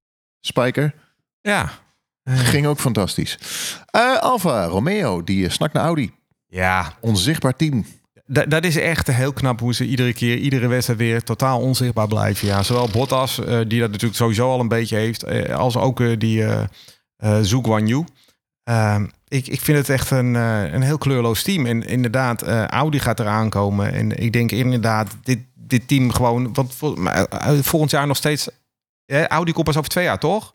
Ik denk dat dit echt een luchtballon wordt die heel langzaam leeg. Ik denk dat gewoon de komende anderhalf jaar gaan we Alfa Tauri of eh, sorry eh, Alfa Romeo in deze podcast nauwelijks bespreken. Want er, er gebeurt Nee, gewoon niks. Nee, nee. Kijk, en, en, en zo'n en zo'n Zoo, die kan over twintig jaar zeggen van... nou, ik heb ook ooit nog drie jaar in de Formule 1 meegereden. eh, en dat is het. Ehm, wat ik merk te zijn, kijk, ik bedoel, Zoo laat gewoon geen, natuurlijk gewoon geen indruk achter. Eh, hij heeft af en toe wel een aardige wedstrijd. Kijk, het voordeel deze, dit weekend was natuurlijk niet... dat hij niet ondersteboven in de hekken al eindigde, zoals vorig jaar. Dat, dat was al een voordeel. ja. Maar het, verder is het natuurlijk gewoon. Ja, die, ik, ik heb het al eens eerder gezegd en dan krijg ik te horen van ja, maar het is hartstikke leuk op social media. Nou, het zal ongetwijfeld, maar ik vind het. Het is echt een pak magere yoghurt, wat mij betreft. Eh, en, en de kopman daarnaast is ook een pak magere yoghurt. Dus dat is een eh team magere yoghurt. Nou ja. Eh, je doet het ermee. En om eerlijk te zijn, ik bedoel, wat Haas staat niet eens in ons draaiboek. Maar Haas is natuurlijk hetzelfde verhaal op dit moment. Die vallen vooral op het moment dat die auto weer een keer stuk gaat. En dan krijg je een hoofdschuddende Gunther Steiner aan de pitmuur. Maar verder, Nou, die vallen in de kwalificatie nog wel eens op met Hulkenberg. Ja, Die soms dat wel een goed. beetje, Q3 maar- een paar keer, dat is wel knap. Maar op een gegeven moment zag je ze echt, dat was voor mij in die beginfase na tien ronden of zo, toen helemaal onderaan. Twee keer Haas en twee keer Alfa. Toen dacht ik, ja, dat is wel echt Ja, een maar- beetje tekenend. En ze zijn lastig in te halen, want Haas heeft wel een hele hoge richtlijnsnelheid. Ze zijn best nog wel lastig Ja. in te halen. En, en, en ik moet zeggen, Magnussen is natuurlijk een stuk kleurrijker dan Bottas in, in, in Zoom. Dus Ja. dat, is, dat, dat maakt het al wat, wat, Zelfs, leuker. zelfs, Hulken, zelfs Hulkenberg is nog, wel, is nog wel een beetje leuk. Ja. Nou, Ja, weet is je- zeker waar. Ja, Weet je is? Eh, Soms vergeet het misschien een beetje. Maar Formule 1 is natuurlijk ook marketing. Ja. Kijk, misschien vinden ze het wel prima. Misschien verkopen ze enorm veel Alfa- Alfa Romeo's in Italië nu. Dan denken ze, oh, boeien, dat is een beetje... Nee, ik kan je Ja, vertellen dat dat niet het geval is. Eh, en in China ook niet. Eh, het zou best wel kunnen dat Zoo in China heel veel eh, eh, centen verdient qua eh, aan, aan sponsorgelden. En nogmaals, we weten ook dat uh, Valtteri inmiddels druk bezig is met allemaal side businesses. Nee, maar ik bedoel... Ehm, kijk, ik zei maar, je, maar je zegt die, die twee jongens daar vooral, zeg maar, die zijn daar bezig met hun eigen winkeltje. Dan nee, dat dat ze echt ik. heel erg hard ik- bezig zijn om, die naar voren te helpen. En ik snap dat dit een Formule 1 podcast is. En we kijken natuurlijk alleen maar naar de races. Maar misschien, eh, daarom zeg ik ook net met Alpine. Ze zitten erin om dat merk te promoten. Dus ja, ik weet niet, misschien zien we iets wat nee, maar dat, is- dat, is- nee, maar dat is absoluut waar. Kijk, we zijn Formule 1 podcast, maar die commerciële realiteit is wel degelijk heel erg relevant, vooral in de Formule 1. Ehm, eh, vooral voor die grote fabrikanten, want die grote fabrikanten die hebben doorgaans ook gewoon aandeelhouders waar ze inderdaad zich aan moeten verantwoorden. Dus Ja, natuurlijk, natuurlijk, dat speelt absoluut een rol. Maar Kijk, wat Alfa Romeo weten we inderdaad dat het vooral een sponsordeal is. Want het is niet hun team. Hè? Het is niet zo dat Alfa Romeo enorm veel engineers daar. Het is uiteindelijk gewoon nog steeds een soort Sauber. Maar ehm, ja, Alfa Romeo eh, is al jaren bezig om het merk opnieuw op te starten. En nu gaan we echt eh, groeien. En nu gaan we de lucht in. En, en dat gebeurt eigenlijk ook al jaren niet. Dus het is wel... Ja, ik, eh, kijk, het is niet voor niets dat ze er uiteindelijk mee gaan stoppen inderdaad. En, dat het, en dan gaat Audi proberen om er wat mee te doen. Kijk, en we weten dat Audi, Audi Sport heeft natuurlijk wel gewoon een hele grote staat van dienst. Vooral in de lange afstandsracerij. En in de rally sport. Ja, ik ben heel benieuwd of ze het in de Formule 1 ook kunnen. Het zou heel tof zijn. Heel vervelend doen, maar ik denk, ik denk echt dat daardoor ook Porsche terugkomt. Ja, Want Nou, Audi... het zou, het zou, best, het zou best kunnen, hè, Porsche, op, ter, op termijn. Ik zie, ik zie Porsche nog wel bij Williams instappen of zo. Ze waren heel serieus op met, een of eh, andere met manier. Red Bull, toch? Ja, maar dat bedoel ik. Dat zou toch prachtig Ja. zijn. Hebben we Audi en Porsche. Komt BMW weer terug. Ja, Ehm, Lamborghini. WK-stand. Nou ja, we hebben het eigenlijk al een beetje allemaal besproken natuurlijk. Maar eh, Ja, maar het is wel, kijk, ik, om dat eerdere punt, en we natuurlijk eerder omdat wij mopperende mannetjes zijn. Kijk, eh, laten we wel zijn, die strijd om het wereldkampioenschap is gewoon oersaai. Want Red Bull gaat gewoon wereldkampioen worden en Max Verstappen gaat gewoon wereldkampioen worden. Maar daarachter is het echt gewoon wel echt leuk. Eh Perez, Alonso, Hamilton zitten gewoon heel dicht bij elkaar. En McLaren, kijk, nogmaals, die staan nog maar op 59 punten. Maar als die de, deze stijgende lijn doorzetten, dan gaan ze op een gegeven moment ook aanhaken bij Mercedes, Aston en Ferrari. Ehm, er is daarachter echt gewoon wel zat eh, strijd. En in die zin was de Grand Prix van, op Silverstone gewoon hele leuk. Omdat er gewoon echt eh, eh, een aantal van die teams daarachter. eh, die zaten dicht bij elkaar. En die waren echt met elkaar naar de kroon aan het steken. Dus er gebeurt nog steeds wel heel veel. Maar het, eh, ja, het probleem is natuurlijk dat je kijkt naar hè, eh, eh, de, de, de headline. En wie wordt de wereldkampioen? Ja, dat is eigenlijk al een foregone conclusion. Maar daar moeten we En dat is wel een beetje jammer. Dat is aan de ene kant heel jammer en ook een beetje saai. Maar aan de andere kant moeten we ze natuurlijk ook de credits geven. Want sportief gezien is het natuurlijk een presta ongelofelijke Ja. prestatie. Hè? Want het is in de historie maar één keer voorgekomen. Hè? Elf zegens op rij. Het is echt een, en dat is 1988, dus is een eeuwigheid geleden. Ja. Het is echt een hele knappe prestatie. En ehm, wat dat betreft eh, zien we wel een stukje geschiedenis. Wat dat betreft mogen ze het ook nog wel even twee races doortrekken. Want dan heb je die geschiedenis. En eh, dat zou zo ook zomaar kunnen gebeuren trouwens. Maar dat is het, het, maakt het, het, is, het is wel echt uniek. Het is ik vind echt het niet saai. Ik zit hier met plezier Nou goed, met jullie te praten over Formule het is 1. natuurlijk best leuk als iemand anders ook een keertje een wedstrijd wint. Hè? Dat is best absoluut. grappig een keer. Tuurlijk. Maar ik bedoel, we zien wel echt dat er geschiedenis geschreven wordt. En het is wel ontzettend knap van Red Bull en van Max om, Ja. om continu maar op. Want we hebben het over dat al die teams, weet je, dat we ook een beetje van circuit naar circuit moeten kijken wie er nummer twee is. Maar Red Bull is overal goed, hè? Altijd, overal. Vanaf de eerste minuut van de vrije training Ja. is Max al on the ball. Hè? Want hij Ja. zet altijd meteen de eerste ronde die doet. is altijd anderhalve seconde sneller dan iedereen, geloof ik. Ja, Ik bedoel, dus- die, dat is echt, het, het klopt zo verschrikkelijk goed. Het is echt ja, respect. Maar ze gaan dus de auto eh, voor volgend jaar alweer ontwikkelen. Daar heeft Lewis Hamilton wat over gezegd. Ja, die wil dat voortaan vanaf augustus hebben. Dan krijg je daar wel een hoop kritiek op, omdat hij dan in zijn eigen tijd niet, of in zijn de tijd dat hij domineerde, dat riep hij dat natuurlijk niet. En dat, dat is natuurlijk ook altijd een beetje, dan krijg je ook altijd een beetje zo'n gedoe van ja, lul niet zo slap, want dat zei je toen ook niet. Maar kijk, weet je, als je nou echt als, als FOM zijnde, eh, Liberty zijnde, dat, dat veld dichter bij elkaar wil brengen, dan zijn dat soort foefjes misschien wel eh, dingen die je in de toekomst zou moeten overwegen. Niet nu, want dan, dat, dat is een beetje onsportief. Maar vanaf de nieuwe regels in 2026 zou je bijvoorbeeld wel zoiets kunnen verzinnen. Ja, Dus toch toch wel opvallend. want- het is natuurlijk, maar het is ook wel een beetje natuurlijk commercieel gezien de nachtmerrie van Liberty als Red Bull nog drie jaar zou doorgaan. en, en daarbij, moet je niet vergeten, ze hebben minder eh windtunneltijd. Maar het is, kijk, daar heb jij gelijk in, hè, commercieel. Maar het is natuurlijk, je moet wel een balans hebben tussen het sportieve en het commerciële. Ja, en het is helemaal natuurlijk, eens, helemaal dit is eens. natuurlijk sportief gezien niet fair om nu Red Bull te Nee, straffen maar- voor hun voorsprong. Maar jij en ik weten ook dat het commerciële eh, belang steeds belangrijker Ja, ja, wordt. ja. Ik bedoel, commercieel belang is altijd al belangrijk geweest in de Formule 1. Maar het voelt nu alsof dat wel echt alles aanstuurt. Maar daarom zeg ik Eh, ook, zo ik gek denk- is die suggestie op zich niet. Nee, maar er wordt, wel heel er wordt nu wel heel veel over gepraat. En het is nog heel erg van nee hoor, we gaan, geen, nee hoor, we gaan niet ingrijpen. Maar er wordt wel heel veel over gepraat in de ja, media, vind ik. Eh, zo. ik heb wel het idee dat, dat, dat de, Ja. De grond een beetje voorbereid wordt. Dat op een gegeven moment gaan we toch wel wel wat doen als dit te lang duurt. Maar die Hamil- werken- Hamil- denk ik- en Hamilton is natuurlijk niet de man die dat moet roepen. Dat is natuurlijk altijd een Nee. beetje, krijg je meteen... Maar, ja. Hamilton, maar Hamilton merkt ook dat er een momentum gaande is. Dus ja, die, die jumpt op die bandwagon. Want ik bedoel, En hij heeft niet meer zo lang de tijd, zijn- Het zijn, het zijn allemaal opportunisten. Hè? Ik bedoel, het is net, het, voet, het is net voetbal. Het zijn allemaal opportunisten. Maar laten we even kijken over hoe Formule 1 werkt. Er zijn eh, heel veel teams en er werken duizenden mensen aan die auto's. Ja. Coureurs. Eh, eh, ja, er is gewoon één team is nu het beste en, en die heeft het beste huiswerk gedaan. Ja. Het is niet Ja, alsof, dat is ook zo. alsof Zo is één, persoon eventjes eh, het gouden ei heeft gevonden. Nou ja, goed. Nee. Het is gewoon zo. Het is wat het is. Ja, het is één, één man is daar denk ik voor, voor 90% verantwoordelijk voor. En dat is Edwin Newey. Die moeten we ook gewoon credit Ja. geven. Dat is echt gewoon Ja, een, een legend absoluut. in de sport. die, die, die, die bijna Ayrton. Senna overstijgt qua wat hij gepresteerd heeft. In, eh, in, of, of Schumacher of, of Hamilton Nee, of noem het maar op. Die man is bizar. Ja, maar kijk, het is ook, het is ook de, de, kijk naar de concurrenten van Max. ja, We hebben, we hebben maar drie wereldkampioenen in de, kampioen, in de Formule 1 nu. Oh, maar dat is niet heel weinig. Zijn er wel eens meer geweest. Ik Nee. weet ook minder geweest. Ik weet in 94 Zijn er hadden we stuk, zelfs al een nul. stuk minder geweest, hoor. Ja, in 94 hadden we een nul op een gegeven moment. Ja, dat is waar. Ja, na, na, dat, na San Marino hadden we nul over, zeg maar. Toen hebben ze op een gegeven moment die oude Nigel Mansell eh, teruggehaald.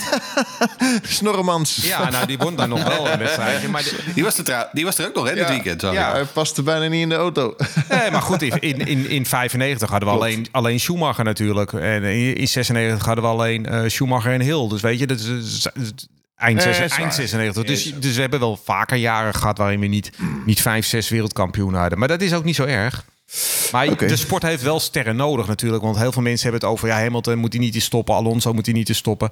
Maar Bottas moet stoppen. een sport heeft wel uithangborden nodig. En we zien het nu heel erg bij de MotoGP... waar, waar Marc Marquez door allerlei fysieke problemen ver is teruggevallen... en Honda-problemen. En waar Valentino Rossi is gestopt... en waar Jorge Lorenzo is gestopt. Mm. Dat is wel... Dat, dat, een stuk aantrekkingskracht valt dan gewoon weg... Als, als hele grote namen in de sport stoppen. En je hebt eigenlijk Ja. alleen maar jonge jongens... die ook wel goed zijn... maar die moeten dat allemaal nog... dat duurt jaren voordat die op het niveau zijn... eh, van die mondiale uitstraling. Ja. Ja. Dus er wordt mij ook iets te makkelijk geroepen van die moet maar stoppen en die moet maar stoppen en die moet maar stoppen. Nee, voor de Formule 1 is het helemaal niet handig als Alonso en Hamilton morgen stoppen. Absoluut eens. Nee, helemaal niet Helemaal zo. eens. Nee, dat is helemaal niet zo. Nee, die moeten dus eh, geld toekrijgen. Nee, ik ben het helemaal met je eens. Nou, geld krijgen ze wel volgens mij. Nou, toe. We gaan kijken naar de eh, Grand Prix van Hongarije. Herinneringen. We hebben er genoeg. Het gras, waar ik altijd ieder, ieder jaar over Ik mopper. dacht al, ik denk, jij gaat meteen over dat gras beginnen. Eh, ach ja, Hongarije. Ehm, mooi. Le- Leuke baan. Eerste Grand Prix in 1986. Toen zaten er heel veel Oost-Duitsers. Eh, die zagen voor het eerst Formule 1. Ja. Ehm, toen ze, die konden allemaal naar Hongarije. Want eh, naar het westen mochten ze niet, maar naar het oosten mochten ze wel. En toen za- zat de halve Hongaroring vol met Oost-Duitsers. die in hun trabantjes afrezen naar Hongarije. Kampeerden rond de baan. Ehm, dus eh, ja, het is een baan die al wel heel lang op de, op de kalender staat. Eh, en Calais had eigenlijk nauwelijks veranderd is. Nooit populair. Maar, ehm, eh, nooit heel erg populair, maar tegelijkertijd wel heel erg eh, altijd, altijd op de kalender eigenlijk. Ja, en Bijzonder, karakteristiek. Hoe ik vind dat zo bijzonder. Ik vind Dat het een... eh, ja, ik vind het een leuke baan. Ik, nou, nou ja, ik, ik snap wel. De, kijk, de inhalen is gewoon heel lastig. Het is gewoon smal. Het is gewoon krap. Het is, eh, het is allemaal. Het, het- je zit continu in een bocht, want er is nauwelijks een rechtstuk te vinden natuurlijk. Maar ik, ik moet zeggen, en dat zeg ik ieder jaar weer, en dat meen ik ook echt. Die eerste sector is gewoon een geweldige sector. Is een van de Ja. betere sectoren van het hele jaar. Van al die, al die al die circuits die er allemaal bij zijn gekomen, de Bahreintjes en de Abu Dhabi's, die kunnen allemaal gestolen worden. Die eerste sector van Hongarije, dat, zit echt, dat is echt een heerlijke combinatie Ja. aan bochten. Ja. Dat meen ik echt. Ja. En ook nog met hoogteverschil. En eh, eh, zit er. Ik weet Ik nooit hoe die, die bochten. De, de, de, de- maar die, er zit al zo'n snelle knik in. En het is echt. Dit is een heel erg onderschat baantje. Alleen het had iets breder mogen zijn voor, voor echt om, om aan te vallen. Dat is natuurlijk altijd wel een beetje een nadeel hier. Ik vind dat een beetje op Zandvoort lijken. Maar inderdaad, waar ben je dan? eh, En herinnering, ja, ik vond vorig Ja, jaar eh, een van de beste overwinningen van Max. Mooi, hè, die, die, toen als, als tiende Och. zat, die had hij nog dat spinnetje inderdaad. Ik vond dat een van zijn beste overwinningen. Ja. Vond ik echt een hele goeie. En Jos heeft natuurlijk ook podium hier gestaan. Ja. Toen met een Martin Brundle eh gedoe. Ja, ja, ja, mooi was dat Eh, zeg. Schumacher die nadacht. Toen pakte hij dat mooie podiumpje. Ja. Ehm, maar ik, eh, ik, ik vind Hongarije gewoon inmiddels een klassieke baan geworden. Met een heel, heel eigen karakter. Die regenrace dat Bottas eh, het halve veld eruit kegelde. En we ook nog gehad, ja, ook, eh, ook eh, Max ging er toen uit. Ja, toen het was 2021 en toen was iedereen eh, boos. Ja, want de Mercedes die ramde. Dat deed hij met opzet. Dat was met Ja, opzet. Ja, Ja. dat is ook mijn theorie. Hey, en eh, die wielveer de ve- veer die Massa tegen zijn Ja, helm kreeg. toen. ja. Jeroen Scholte, uh, Jeroen Demmerda, ik hoor jou niet over herinneringen. Je lijkt wel... Ja, Ja, maar maar gewoon gewoon ik bedoel, 86. eh, eh, het punt is, kijk, je moet, ik wil het zeggen, ik heb net 86. Ik heb net 86 aangevoerd. Ehm, ook de- nog een leuke anekdote uit 1986. want toen reed namelijk Huub Rotengatter voor Zakspeed. En die is toen samen met Jonathan Palmer in een gehuurde Lada rond de baan gegaan om eh, die baan te verkennen. Oh, nee, nou, ik- jij weer. Nee, ik dacht dat je zat te broeden op een eh herinneringsei. Nee, nee, nee, nee, nee. Maar het punt is, kijk, we, we komen ieder jaar weer uit. Oh, Jos Verstappen Ja, je hebt 1994. gelijk, ik bedoel, het is wel een beetje eh, jij met je gras. Het is natuurlijk wel ieder jaar een beetje hetzelfde. gelijk. Dus ik dacht, ik kom nu met wat anders. En toen dacht ik, nou, 1986. Verwachtingen? Ja, Ja, Max Verstappen. ja, en achter Max, eh, dat heb ik al gezegd, wordt Aston Martin wordt het tweede team. Dat verwacht ik echt. Ik verwacht echt eh, eh, dat, dat, eh, dat die mee gaan doen. En ik dat- denk dat McLaren het hier dus echt weer lastiger krijgt. En ehm, nou ja, dat ding. Ligt het nou weer hoger of lager dan de je? NAP? NAP?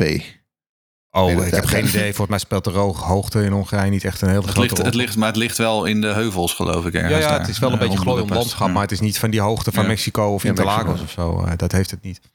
Oké, nou gaan we maar eh, weer eens een keer voorspellen. Voorspelspel. Ik weet helemaal niet meer wat de stand is. Volgens Ik mij weet niet. niemand dat. Maar ehm, Verstappen wordt één, Alonso wordt twee. Eh, ik ga toch voor Checo een keertje op podium, wordt drie. En tiende wordt ehm eh, Lance Stroll. Eh, Verstappen, Perez, Alonso, Gasly. Ik zeg Verstappen, Alonso, Lewis en ook Gasly. De Grand Prix van Hongarije. Dat is, eh, die is eh, 23 juli om drie uur in de middag. Wat ik nog wel even moet zeggen. Zeg het eens. Wij moeten, Lucas en ik, moeten eerder eh, nog vrijwillig een eh, biertje gaan drinken met onze vriendin Karin. Ja, Dat heb ik, haar, heb ik haar ook eh, toegezegd, want ik zou haar eigenlijk Leuk. in, in Oostenrijk vorige week ontmoeten, maar dat is eventjes misgelopen, want ik had een beetje een hectisch weekendje. Ja. Maar ehm, dat, dat, dat moeten we even afspreken. Karin Dus- is eh, eh, eh, luisteraar van het eerste uur, donateur van het eerste uur. Ze was er de eerste minuut van de meet and greet. Eh, ze, is een prachtige eh, trui aan het borduren, die inderdaad helemaal vol is, ben ik bang. Want Leuk. al die overwinningen van Verstappen is er erop aan het. eh, aan Misschien het moeten ze dan op de arm tatoeëren. Dan zo. Nou, het zou wel leuk zijn als ze Nee, het het wordt, het wordt gewoon een XXXXXL trui. Nee, nee, dat doe ik heel graag. Leuk, heel goed idee. Ja, dat gaan we doen. Gaan we doen. Heel goed idee. Race Reporter. De Formule 1 podcast is een onafhankelijke podcast. Moet het hebben van donaties. Ik noem er een aantal. Dankjewel Karin, Niels Maximus, Christa, Remco Zoon, Rowdy Rabouw, Maarten Ewertse, Kevin Rijmert, Menno van de Veen, Jarno Dijkstra, Jasper Heijmans, Jan-Joos Volmer, Renny Pauli, Hugon Elbersen, Ron Aanslebach, Thijs, Irene de Jonker, Mike van der Veen, Niels de Boer, Bas van Bodegraven, Rens Verberne, Martin Verduin, Alex Nijenhuis, Ramon Kok, Ferry van den Bree, Rob de Voogd, René Bakker, Frank van Dijk, Raymond Wolfswinkel, Erwin van den Heuvel, Jaap, Roy Bonten, John Kuipers. Super bedankt Frank Thebe, Job Hendriksen, Roos Zinnige en Jan van der Ben. Eenmalige donaties van Annelies Bier, dankjewel. Bert van Leeuwen, super bedankt. En een topdonatie van Ties Roodhart, dankjewel. En Harry27, dankjewel. Wil je ook race reporter in de lucht houden? Support ons. Ga naar petjeaf.com slash F1 podcast. Dat is petjeaf.com slash F1 podcast. Oké, nou heren, leuk dat jullie weer eh, zijn aangeschoven. En eh, op naar de volgende. Zeker. Fotootje nog, hè? Foto, ja, foto. Een fotootje voor het nageslacht. Fotootje, En ook leuk dat erbij was. Ik heb mijn Ja. telefoon ergens... eh, Wat is, wat, is, wat is tot ziens in het Hongaars? Dat weet ik nooit. Ja. Dat is een goede vraag. Die speel ik door. het, eh, Charles had het geweten. Charles wel. In, eh, in Hongarije. Nou? Ik ben heel benieuwd hoe de bokaal eruit ziet. Dat is een soort urn. Urn? Is dat zo? Ja? Ja, dat moet je maar eens, moet je maar eens googlen. Ik heb geen idee. Dat is een heel apart ding is dat. Ik vind het wel mooi. Nou, kaas. Gaan we dan. Dank u. Super gaaf. Dit wordt echt een hele mooie foto voor het nageslacht. Dit wordt een hele mooie foto. Die wordt nog mooier dan die foto van Piastri en Alonso. Ja. Of die foto Nog van de, mooier. de de foto van de podcast van Hamilton nog eens in. Oh, de podcast van Max Verstappen. Ja, Ja, was ook de leuk. Joe, de Joe Rogan Max Verstappen Experience. Ja, die ja. Maar waarom zouden die drie bij elkaar gaan zitten als je ook naar onze podcast kan luisteren? Ik bedoel, ja. Hè? Zij- dat, dat zijn drie legendes. Hier zitten drie legendes. Ik bedoel, weet je, het is ja. Wil maar zeggen. Ik wil het zeggen, het was weer, eh, het was weer ouderwets genieten.